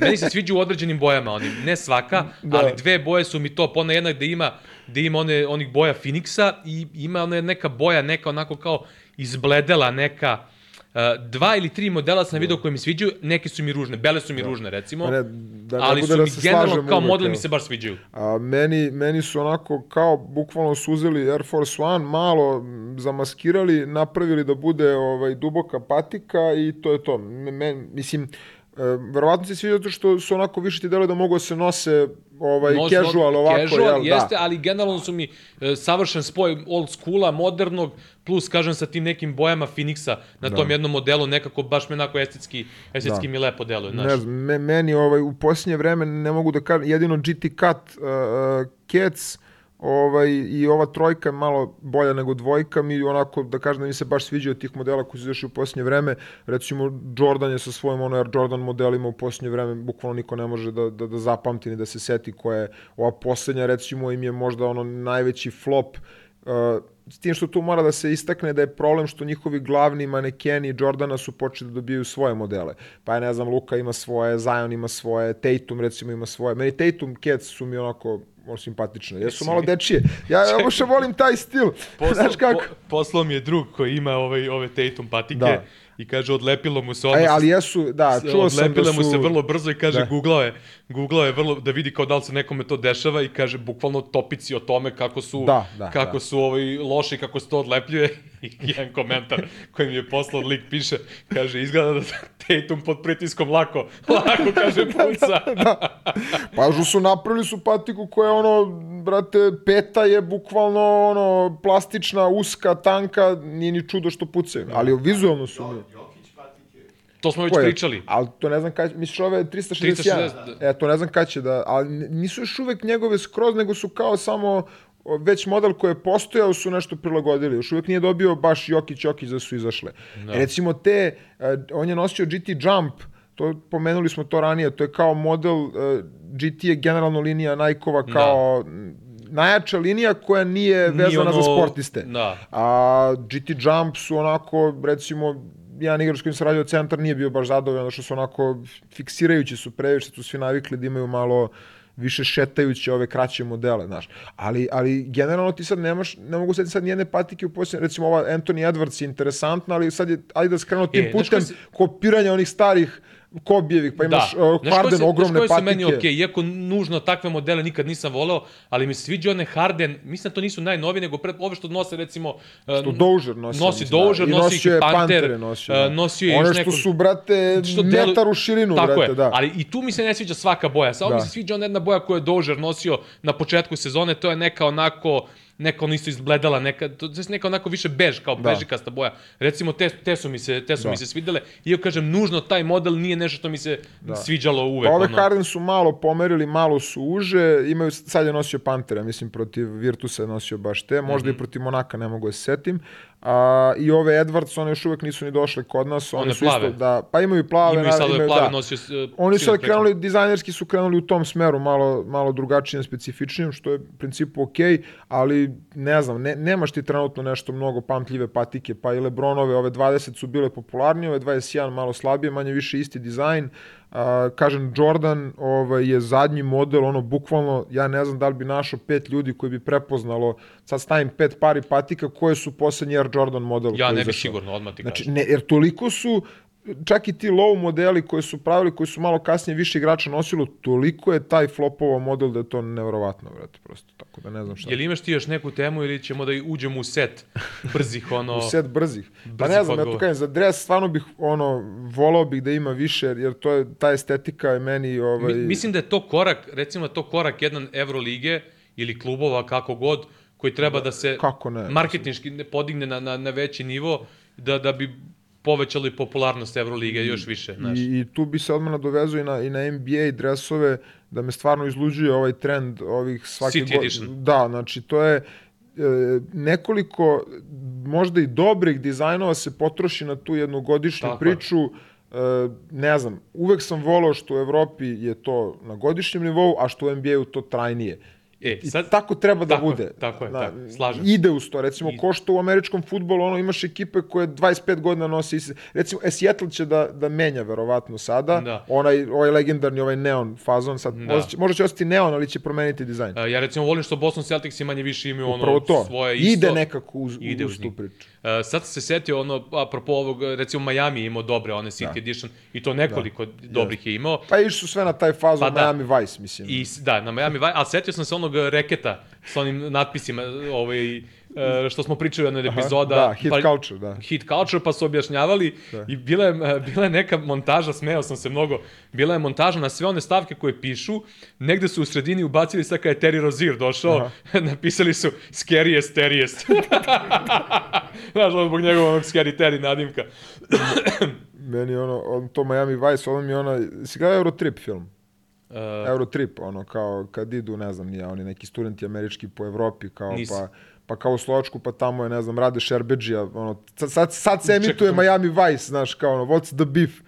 Znaš, ta scena, nebitno. poznato mi, ja se ne mogu se setim. Kao ono, šta se dešava u sledećoj epizodi Miami Vice-a, znaš, ono ih pita, brate, ono, 30 godina, pa imaš onu foru kao kad baci onaj kao nikl, a ovaj kao sad ću svoj hotel da otvorim. Znaš, brat, nisi gledao taj film. Poznato mi, kao da To je najjači, to je, to je pravi onaj najjači glupi, pa da, ali najjači ono glupi studentski ono film, dečiji, Pa da, pa to, Znaš, pa to su ti najjači, ono, Scary doesn't know, mislim, Ovo- glumi Matt Damon, ono, kao nekog pevača, nisi gledao sigurno čim ti nije dosadno, ono. Ko ovaj, neki ovo nije još jedan glupi tineđerski film, ono. Vinnie Jones glumi isto, znaš, kao nav- navijača Uniteda, kao, pa Da. nisi gledao. Nisam, nisam, nisam, ali ovo, Eto, kažem preporuka još, za, još, ako se nekome gleda glup film, onako... Uh, ima to je- glupih filmova koje volim da gledam. Prije mi nekad. To je ali na- pazi, evo recimo ovo, ovo kako se zove, uh, ovo nije još jedan glupi tineđerski film. Aha. Ko, ja, ja obožavam recimo te, te neke stare parodije, pa spoje više tih ono filmova Da. u, u, jednu, u jedan. I recimo tu ima scena uh, na konto ono što smo se zezali stalno naš oni old school treneri, posebno u američkom sportu, kad smo pričali za Bobija Knighta i to sve, pa kad ima onog lika kad raznesu na američkom futbalu, kad je ono, ono, ono, nema, ono kad je bez svesti ostao i kad pita ove lekare, kao, jel može da igra? Oni kao, treneru, kao, ima potres mozga. O, a on ono pljuje, pu, kaže, nisam te to pitao, jel može da igra, ne može da igra? Kao, pa treneru bez svesti je, ti, ti mene razumeš, jel može da igra, ne može da igra? Znaš, ono, na konto ovih promena u erama, znaš, ono, ranije je to bilo, ono, god damn it, da. tu, ono, kao, Tu je najjače, ono, e, najjača scena je jedan od najglupih filmova u istoriji, mislim da se zove ono Movie uh, 43, kao film 43. E, i tad tu ima scena sa Terenceom Howardom, kao, film je u fazonu, ne znam, deset nepovezanih nekih scena. Jesi gledao, Vlado? Da, da. Da. Terence Howard, scena uh, košarkaška, gde on kao motiviše igrače. Znači, to, to neka nađu, neka, to, je, to je naj, ono, to je najjača neka priča koju sam ja ikad vidio, isto je parodija, naravno, ti- glumi ne, Cory Brewer je tu jedan od Aha, glumaca. aha. A, podsjeti me onaj, uh, Larry Sanders isto, a, znači, to je, to je vrh. To, to bih preporučio svima, neka googlaju, neka nađu, ovaj, kad ih motiviše, bre. E, Sad u ovoj celoj situaciji uh, trenutno, e, mislim šta se danas smatra komedijama, znači kad uđeš neke film, na neke, Bog, Da, Bog da. vam je, da, Bog je već uradio svoje. Mislim, neka, neka kad pogled. uđeš, brate, sad neke ono kanale koji se smatraju ono kao komedija, komedija kad vidiš neki film od depresije te spuca. I onda sad sam počeš više da cenim te neke stare filmove, znaš ono, Leslie Nielsen, Da. znaš, kad pogledam sad sa ove vremenske distance, neke na njegove goli pištolji i sve ono, ja se još više sve nego što se rani, verovatno sad još više kontam da, neke da, stvari, da. što sam stariji, a posebno sad sa ove vremenske distance i još kad mi iskoči nešto još na Instagramu dodatno da ga pogledam, pa to ono, bila ona scena kao era pre Google-a, kao Google 98. je izmišljena, kako su ljudi snalazili pre Google-a. Kad dođe kod ovog čistača cipela, uh, Leslie Nielsen sedne, pa kad ga pita, kao, e, kao, treba mi, on kao, kao policajac, kao, treba mi informacije šta se desilo, ova je oteta, ko, šta, pa i dajemo ono, časti ga kintom, pa mu ovaj saopštava, i onda on odlazi kad dolazi onaj hirurg, sedne, kao, imamo problem, kao, arter je, kao, mu ovaj, daje mu kintom, mu, kao, evo, brate, pazi na to. Oj, oj, majko mila.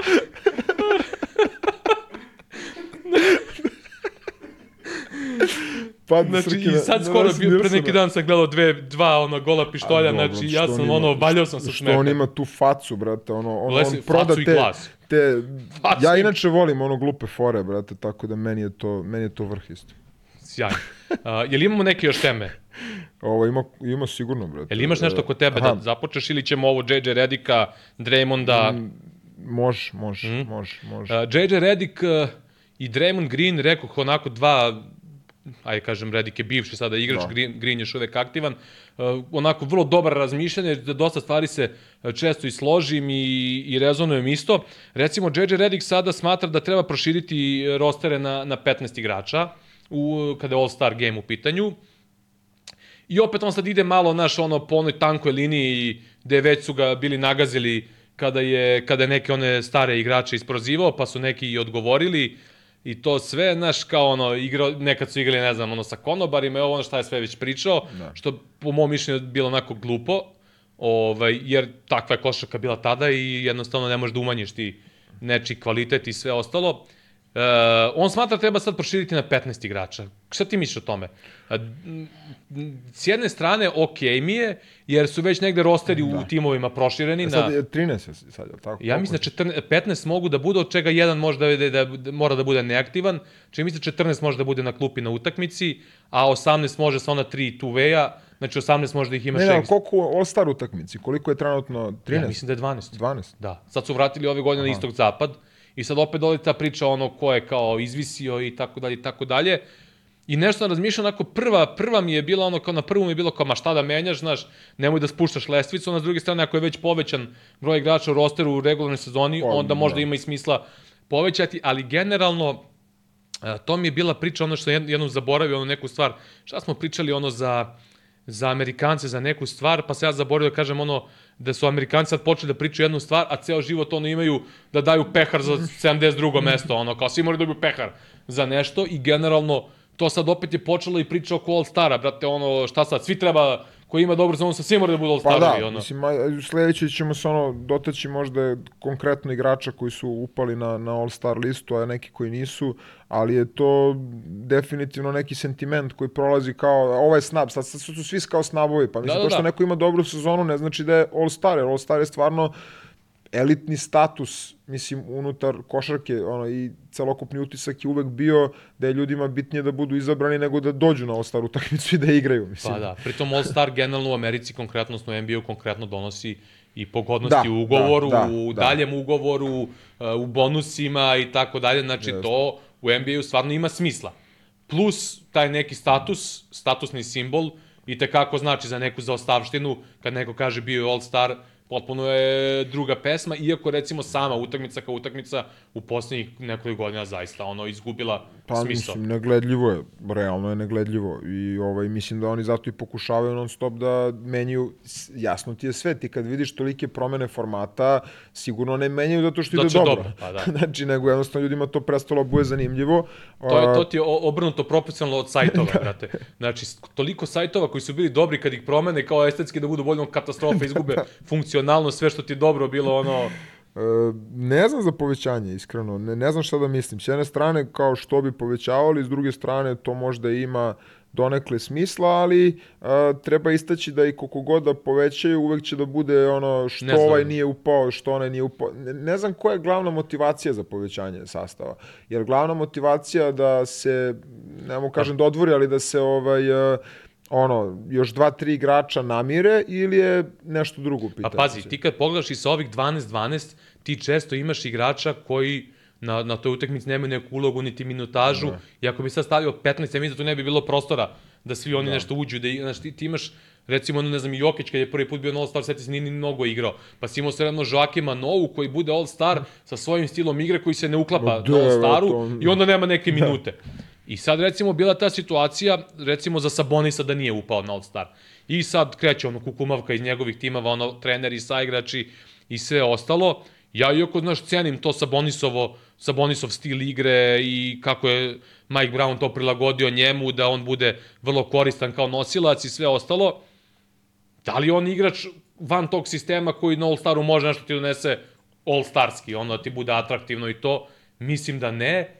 I sad opet treba da se razmisli šta je tu, brate, merodavno... Šta je kriterijum? šta je kriterijum pored te dobre sezone, da li, da li ima veze i kako ti je tim igrao uh, u, u tom delu sezone ili sve to, i opet sad sama ta neka vrsta, šta on može da donese na toj utakmici. Da. Jer ipak je to neka vrsta i zabave, Tako da nemam pojma, ono, dosta onako tu nekih pitanja, mislim da, da dobar rezultat e, mora da znači, ali opet s druge strane ti imaš Jokića, recimo ovaj podatak, ono, Jokić je, ima 420 pobjeda u karijeri, uključujući i play-off, a da nikad nije imao uh, saigrača koji je bio All-Star? Meni je to neverovatno. Neverovatno. I primjera Je radi... moguće da Mare nikad nije bio All-Star? Da. Recimo, meni je Mare igrač koji mi je neko All-Star igrač, mislim, Ali po znacima sad- navodnika šta god to značilo. Moguće, znaš, njega su sekle... Ali se uvek nameštalo to, da, su da. ga povrede e, i seklo ga je to što ne znam, Bubble u Bubble Da. igrao ono fenomenalno. Mislim, video sam taj podatak i A ja. pazi ovo, prvi sledeći, znači posle Jokića, znači prvi sledeći koji je igrao All-Stara, koji ono ima, znači Ben Gordon, 331 pobeda. Znači 100 manje od Jokića praktično. Da, i ko bi rekao će uopšte Ben Gordon Pa da, da. bude sledeći. Mislim, od svih igrača u istoriji lige. A, eto, viš, čudno mi je to bilo jer sam bukvalno da si me sad pitao ono da li je Jamal Mare ikada bio All-Star, ja bih rekao, ma mora da je bar jednom bio na nekom Da. All-Staru. Nikad ne bih rekao da nikad. Ili recimo, pa i Gordon isto nikad nije bio. Aaron Gordon, Da. e, mislim da nije, on je Nije, bio ono pa da, samo kao zakucavanje. Pa dobro, nije on realno ni taj. Ovaj, tako da, eto, to je, to je baš onako čudan podatak. Uh, opet kažem, to je sve vezano za... Drago mi je recimo da je Branson ovaj, ove godine I meni All-Star, jer je on stvarno, a, nikada mi draže nije bilo što sam promašio za nekog igrača kao što sam promašio za njega kad je dolazi u Nikse. Ali ovaj, nisi promašio zato što nisi verovao u njega, nego si promašio Brate, zato što, zato što nisi očekivao da će ovo što se radi u NBA-u dati njemu šansu. Da, na osnovu mislim, znaš Naravno nisam ja očekivao ovakve partije, ali Da, ne, ne da sam ja mislio da će on da bude flop, da će biti katastrofa, ali da će da bude na ovom nivou ja sam NBA mislio da mu igrač. neće dati priliku Da konkretno. će onda daje 27 u prosjeku, da će da vuče ono ko lokomotiva celu ekipu Niksa i da su pritom oni, ono, trenutno su, mislim, treći na istoku, a ušli su sad u seriju, ne, 14-2 su imali januar, sad su opet dobili u Od- februaru. I to sve od dolaska Anunobija. Da, ali, ali i on je i prošle godine Branson bio fenomenalan, ja sam mislio da su ga preplatili, znaš kao teško će on sad van Ponoviti, Dallasa, da. de, on je čovjek otišao na neki nivo, Mi smo pričali već o tome. strašan. Ja mislim, ja mislim da je Branson još od koleđa, bez obzira što to nije Ozbiljan nivo, igrač, nije ozbiljan igrač i potencijal za lidera. Da. Nisam očekivao da može da je 40 i ne znam koliko poena u NBA-u, ali očigledno danas Ja to sam, može. ja sam preočekivao da će on biti neki top igrač za Euroligu, ovaj, da, Da, neće, da isto. se neće snaći u NBA Isto. ligi, da njegov ne da se stil... neće snaći, nego da mu neće dati šansu u NBA-u. Upravo to, jer je, jer je više bio za tu neku koleđ košarku Euroligu, onako i fizikalan, mali, onako, pa i buckast, mislim, treba i to Zna da istaći. odigra leđima na niskom postu. Toga je i Hart prozivao, ovaj, e, i ceo ta, i ta škola Vilanove, svi su neko igrači koji su Evropski. više... Da, da. Pa ti pogledaš gomilu, Vilanova koji izbacuje gomilu tih kombo bekova, Jeste. 85% ih je završilo u Evropi, su Jeste. igrali. I svi su dobri. Da. I nekako sam Čak u njega... jednom trenutku redko ko je dobio u NBA šansu, tipa Lauri i šta ti ja znam. da. E sad je tek se pomer, pomerila malo ta tendencija i sad ih imaš gomilu. Jeste. I više mi je ličio na, na budućnosti nekog Markusa Williamsa, znači, taj, taj tip igrača biti u Evropi, dobro, ozbiljniji naravno, ali, ovaj, ali da će on u NBA-u da bude starter, da će da bude all-star i stvarno ga je zaradio, ga je muški, mislim, mm -hmm. svaka mu čast. Očigledno su napravili su tu Villanova liniju u Nixima, mislim, i sa Vincencom i sa, i sa Hartom i to funkcioniše, mislim, svaka im čast. Ne znam koliko će to biti prenosivo na play-off, Ovaj, ali evo i sad i bez Rendla, znači ne samo bez Anunobija, Anunobi se povredio već nekoliko utakmica, a i Rendl se povredio i onda, ne znam, igrač sa, sa, sa Hartensteinom i sa ovima Čuvom, Pa dodaš, ubiše dodaš obojica. Robinsona na sve to. Znaš, ono, sa, sa dva ne šutera, s tri ne šutera, oni opet strpaju poena, masu, mislim, igraju stvarno, ono, ne, ne dobijaju dovoljno, ovaj, Ja gledao sam sad nekoliko utakmica, ono sa Majamijem sam isto uživao. Ovaj, sad kažem ti ono... š- kako, reci kakva tipična ekipa. Sve. mislim, I ono, sad, sad, sad ponovo uživam u Nixima. Da, da. Znači, kad su izvukli Bereta, ne Bereta kao Bereta zbog Bereta, nego Jasno, jednostavno ono što sam da, pričao, on, to, Randall da. i to nekako mi previše bilo na jednom mestu. Ovaj, i sad, Previše sad neka, levoruki. pa, je, pa to, pričali smo o tome. Četiri levoruka na terenu s jedne da. strane i to je možda sad, ali e, stil igre je previše ono, znači kad su tu e, Randall sa svojim stilom igre koji sam ti rekao mogu da trpim kad je sam u nekim momentima, ali on, Branson i Beret da. previše mi je bilo nekako forsiranja i na silu. Znaš, sad, sad je to malo opet nekako prodisalo i sad mi opet ono uži- uživanje da gledam Nixa. Pa oni su ono antiefikasna po svim uh, kriterijuma moderne košarke, efikasna ekipa u praksi. Pa da. I doguraš do trećeg mesta na Pa isto. to kažem, i sad vidjet ćemo dok će dalje opet verovatno će se odraziti povrede u nekom trenutku, ali znaš, baš gura. I ja to kažem, on mi je konkretno od svih ovih igrača neko najdrže što je došao na, na, na taj All-Star spisak, a ovo vezano za, ne znam koliko uopšte je bitno bre igračima da igraju u toj utakmici, ali im bitno mislim, All-Star utakmici, ili im je bitno samo da budu pozvani, ili ono, nek prave pasarele, mislim, ne, ne, ne znam šta je ovaj, na koji način bi to moglo ili bi možda ne znam nije, ali to već nije realno da ne znam naprave da istog zapada ono pobednik utakmice ima u finalu prednost play-offu mislim ili tako neke stvari, ali opet to nije realno, onda to poništava skor u toku regularne sezone. Ne znam na koji bi način mogli da naprave ta utakmica bude kompetitivnija, jer bi to napravilo da bude zanimljivije, što je u stvari najveći problem utakmice, a s druge strane da opet i preopteretiš te igrače, pa nije ni to u redu, znaš, ne znam, ko što još pro bowl u američkom futbolu je ono utakmica koja nikoga ne zna. Niko Znači, nema ono, sigurno nedelju dana pred koju, Super Bowl. koju beže, da, em što je nedelja dana pred Super Bowl, em što ljudi ono bukvalno ono izmišljaju razloge da ne dođu. Pa Mislim, da. da. ono, nekome se možda dolazi ovo ostalo baš, baš, baš, ali to je uvek tako bilo, mislim, u tom sportu taj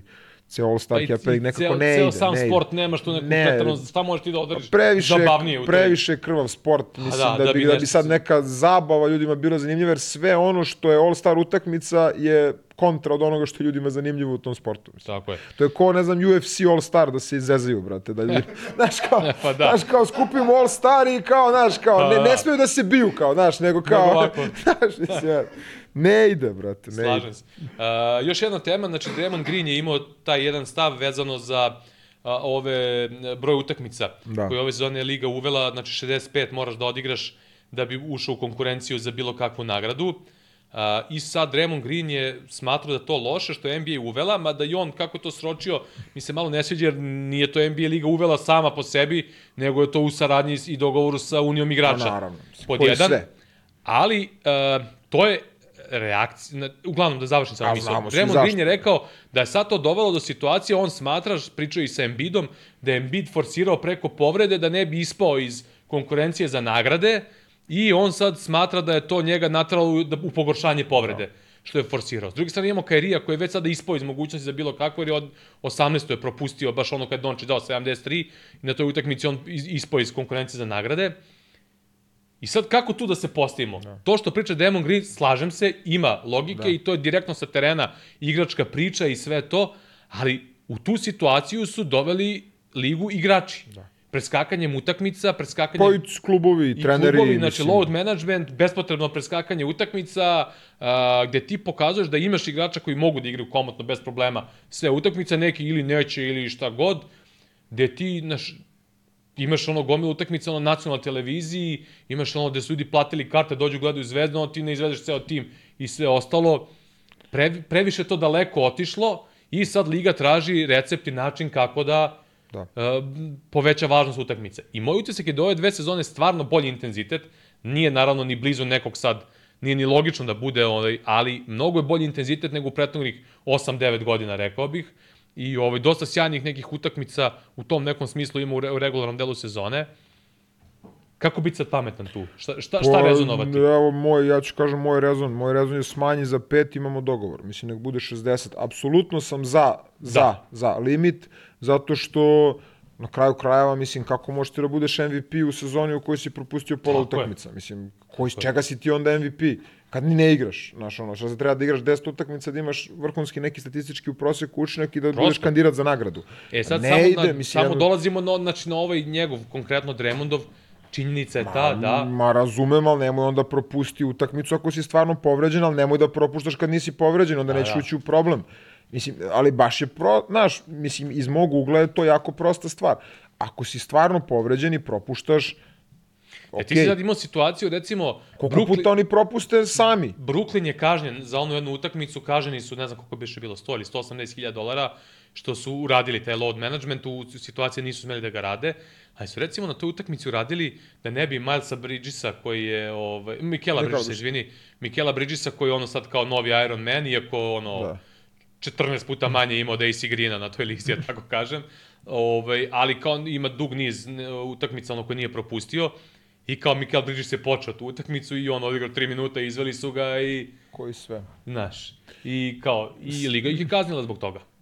Pa i treba da ih kazni, zato što, uh, mislim, prosto moraš da vodiš računa o brendu. Na kraju, na kraju dana uh, i ugovori, i liga, i svi zavise od toga koliko je ta liga popularna i koliko ljudi žele da je gledaju. Ljudi žele da gledaju takmičarske utakmice između najboljih igrača. Znači, ne žele da gledaju treće pozivce kako igraju, što ti kažeš, ono, nacionalna ovaj, frekvencija utakmica, uh, svi čekaju ili neka ono zvučna utakmica, pojavi se ono treće pozivci da igraju koji su interesantni meni i tebi, ali ljudima koji to gledaju zbog čega je košarka popularna i na tom nivou financijskom, njima apsolutno nije zanimljivo to da gledaju. Apsolutno. I sad ti imaš i, i faktor, recimo, koliko dece dolazi na utakmicu samo zbog određenog igrača. To su I deca. koji, koji, koji, koje košarku. cene karata plaćaju O tome ti i pričam, znači, koliko košta taj dres za tu utakmicu Neko koji oni nose. posebno u Americi, znaš, neko doputuje, znaš, možda ne živi nužno u lupam Bostonu, ali A živi, možda ne znam, živi u Bangladešu, brate, živi mislim. blizu i planirao je da dođe na tu utakmicu. Pa. Okej, deš, dešava se povreda, ali ne mora da se upravo to. desi da on odmara sad, ne znam, te igrače. Ali, znaš. ali upravo to je poenta ovo što sam malo pre rekao. Znači, ako ti preopuštaš samo kad su povrede,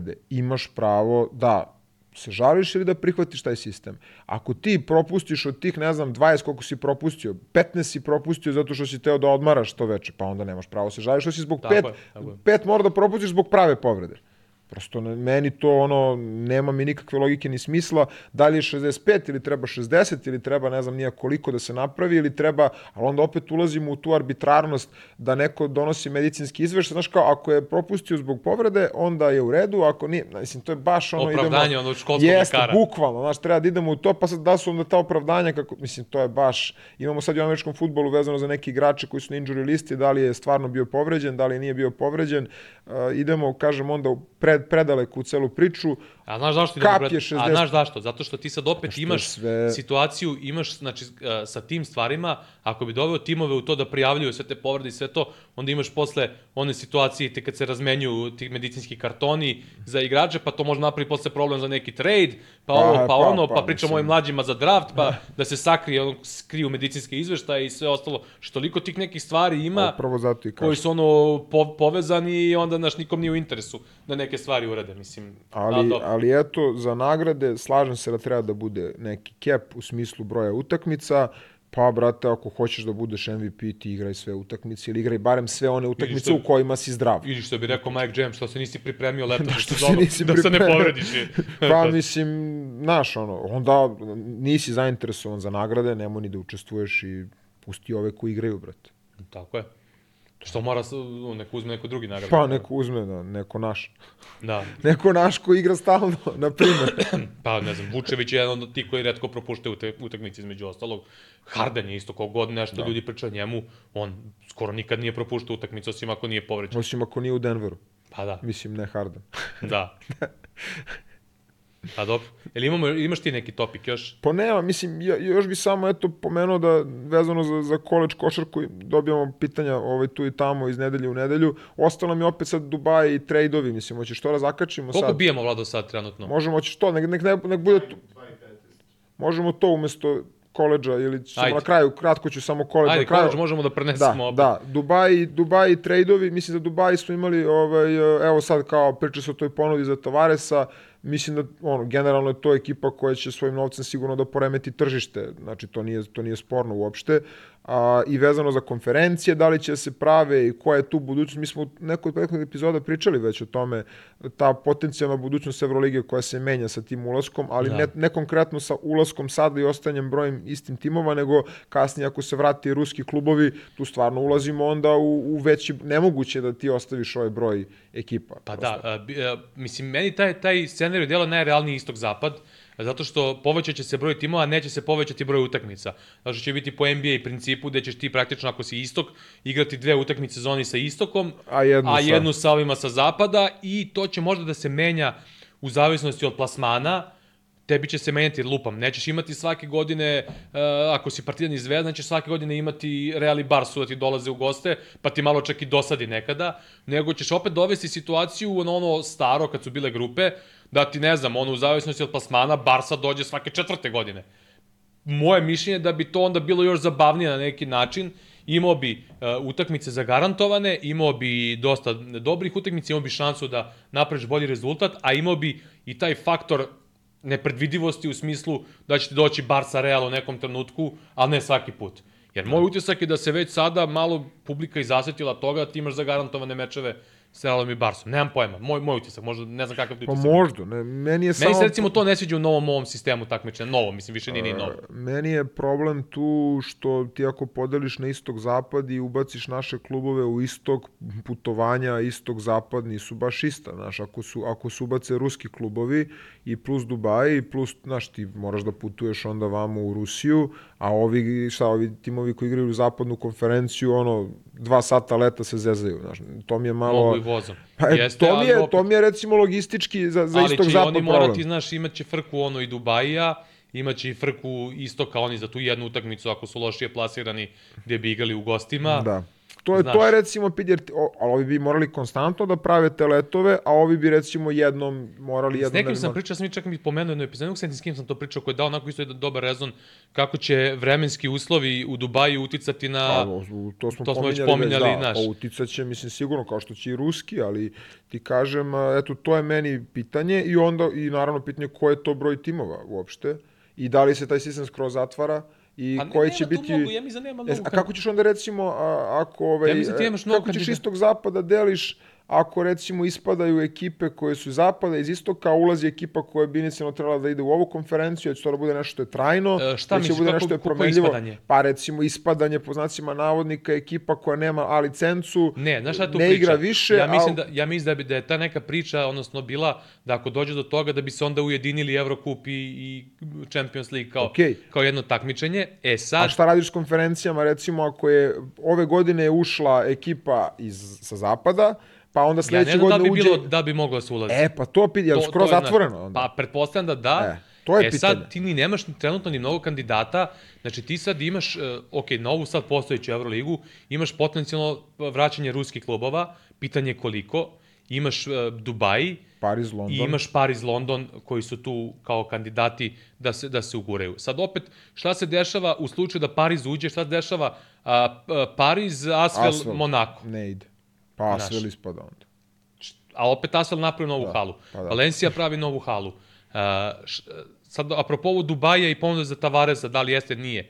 Šta se dešava sa Dubajem a, kao timom i uopšte generalno sa tim nekim vajbom dole, da li će da, da, poku, da kupe 12 uh, veterana iz NBA-a?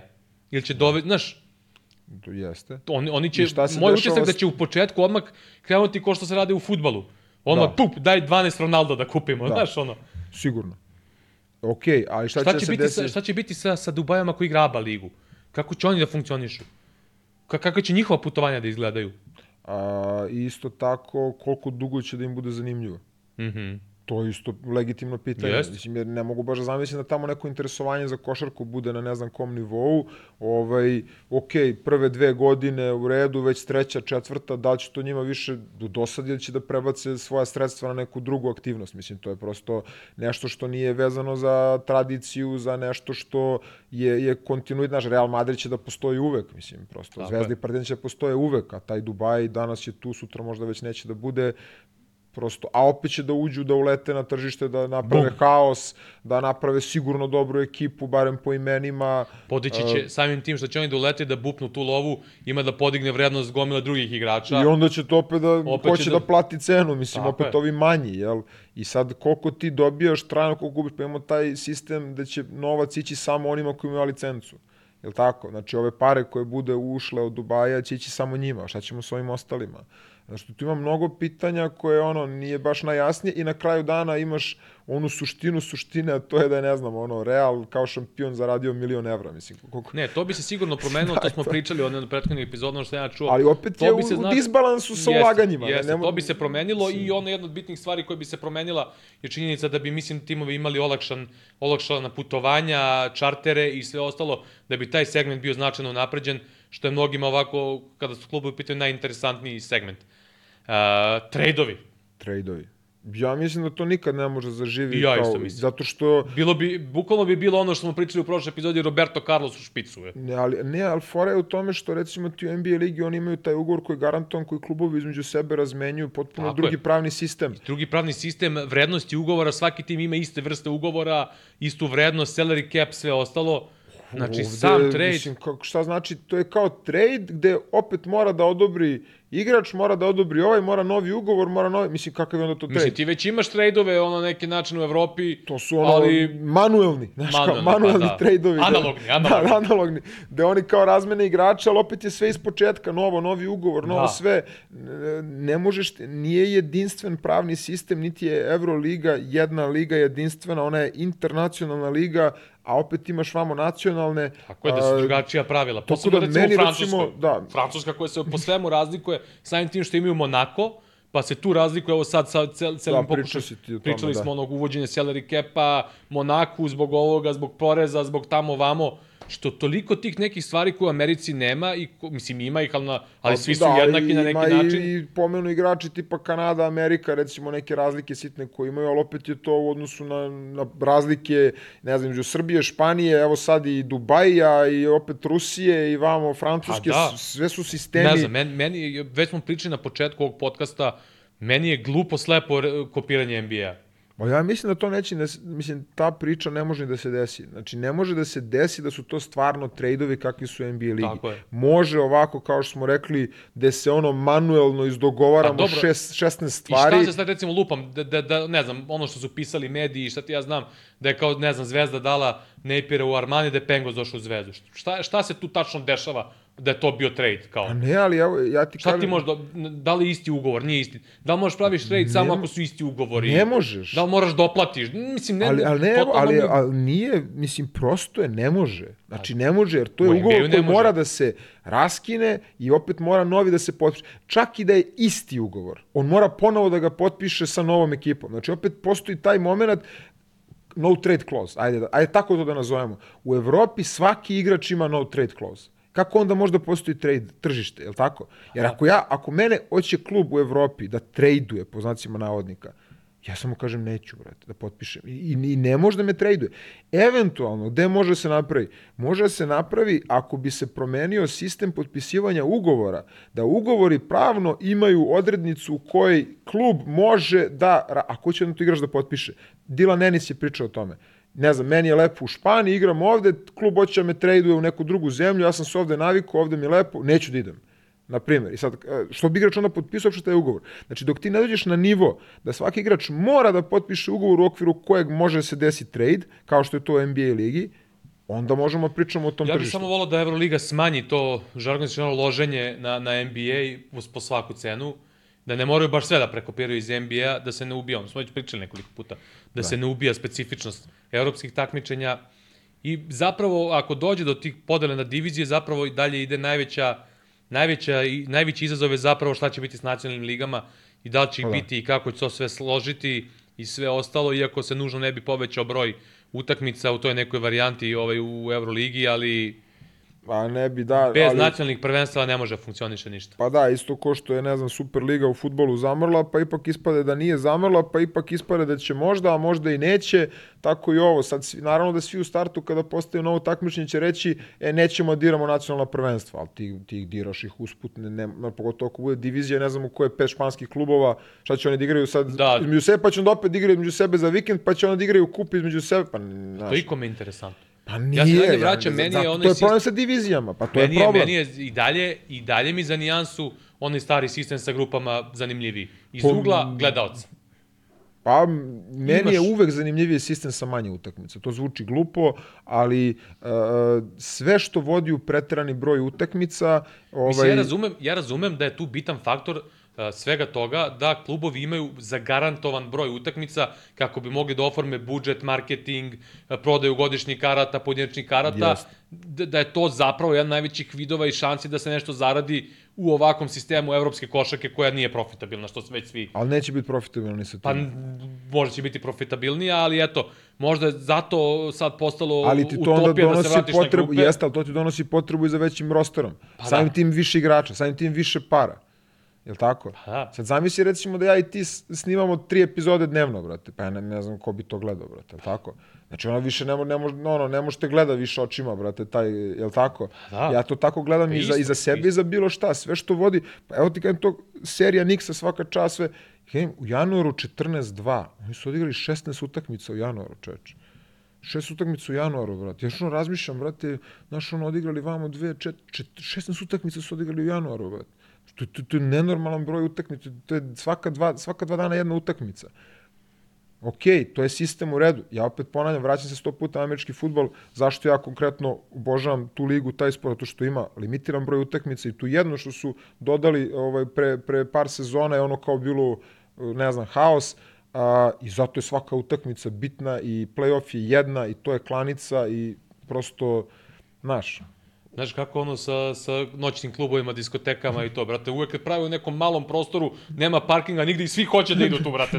I uvek je krkljanac, razumeš, on napraviš ogroman klub, imaš parkinga, tu niko ne dolazi. Pa eto. Pa to, to ti je to, je. Tako da treba naći balans između tih stvari, ali utakmice koje se ponavljaju između istih timova, ja mislim da je to gubi se draž. Brate, evo ti primer El Klasika. E, bukvalno sam teo da kažem isti. U košarci se baš malo gubi draž, ono. Pa, zato što je non stop, Non jel stop ga igraju, brate, ja ne znam više ni, igraju u Superkupu Španije, dve u prvenstvu, uh, Kup kralja, dve u Euroligi, pa onda dođe playoff, pet utakmica, pa ako za, zabodu još i Final Four, i, mislim, ne sećaš se kad je koja bila, ne možeš više ni da pričaš o nekim sećanjima, ni o nečemu, razumeš, sve je ono... Kojim sećanjima. Ko je, pa nema, znaš.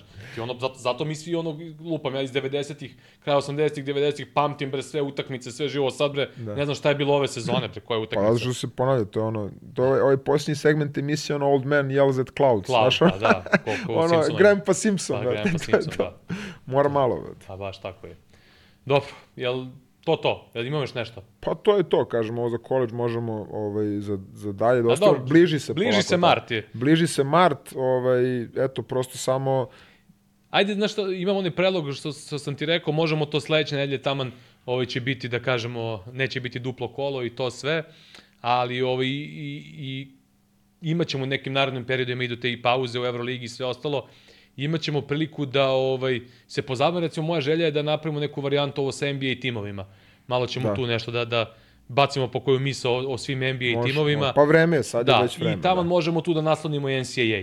Tako Može. da će tu biti prostor, eto, valjda da Jedan- ćemo sad ispuniti to obećanje. Jedan amerikanizovani segment. Pa da, pa da. Može, može. Tako da, eto, na- nadam se nešto nismo propustili, znaš. Jesmo sigurno, ali nadam se da nismo. Da. Da ne bude kad se završi ovaj... E, evo, Stepen. pobe... Stepenice čuvene. sad sam se setio, Kako sam? ko, ko nisam pomenuo. Da. Dobro, ništa, toliko za danas. Eto, nadam se da ste uživali Over and out. čao.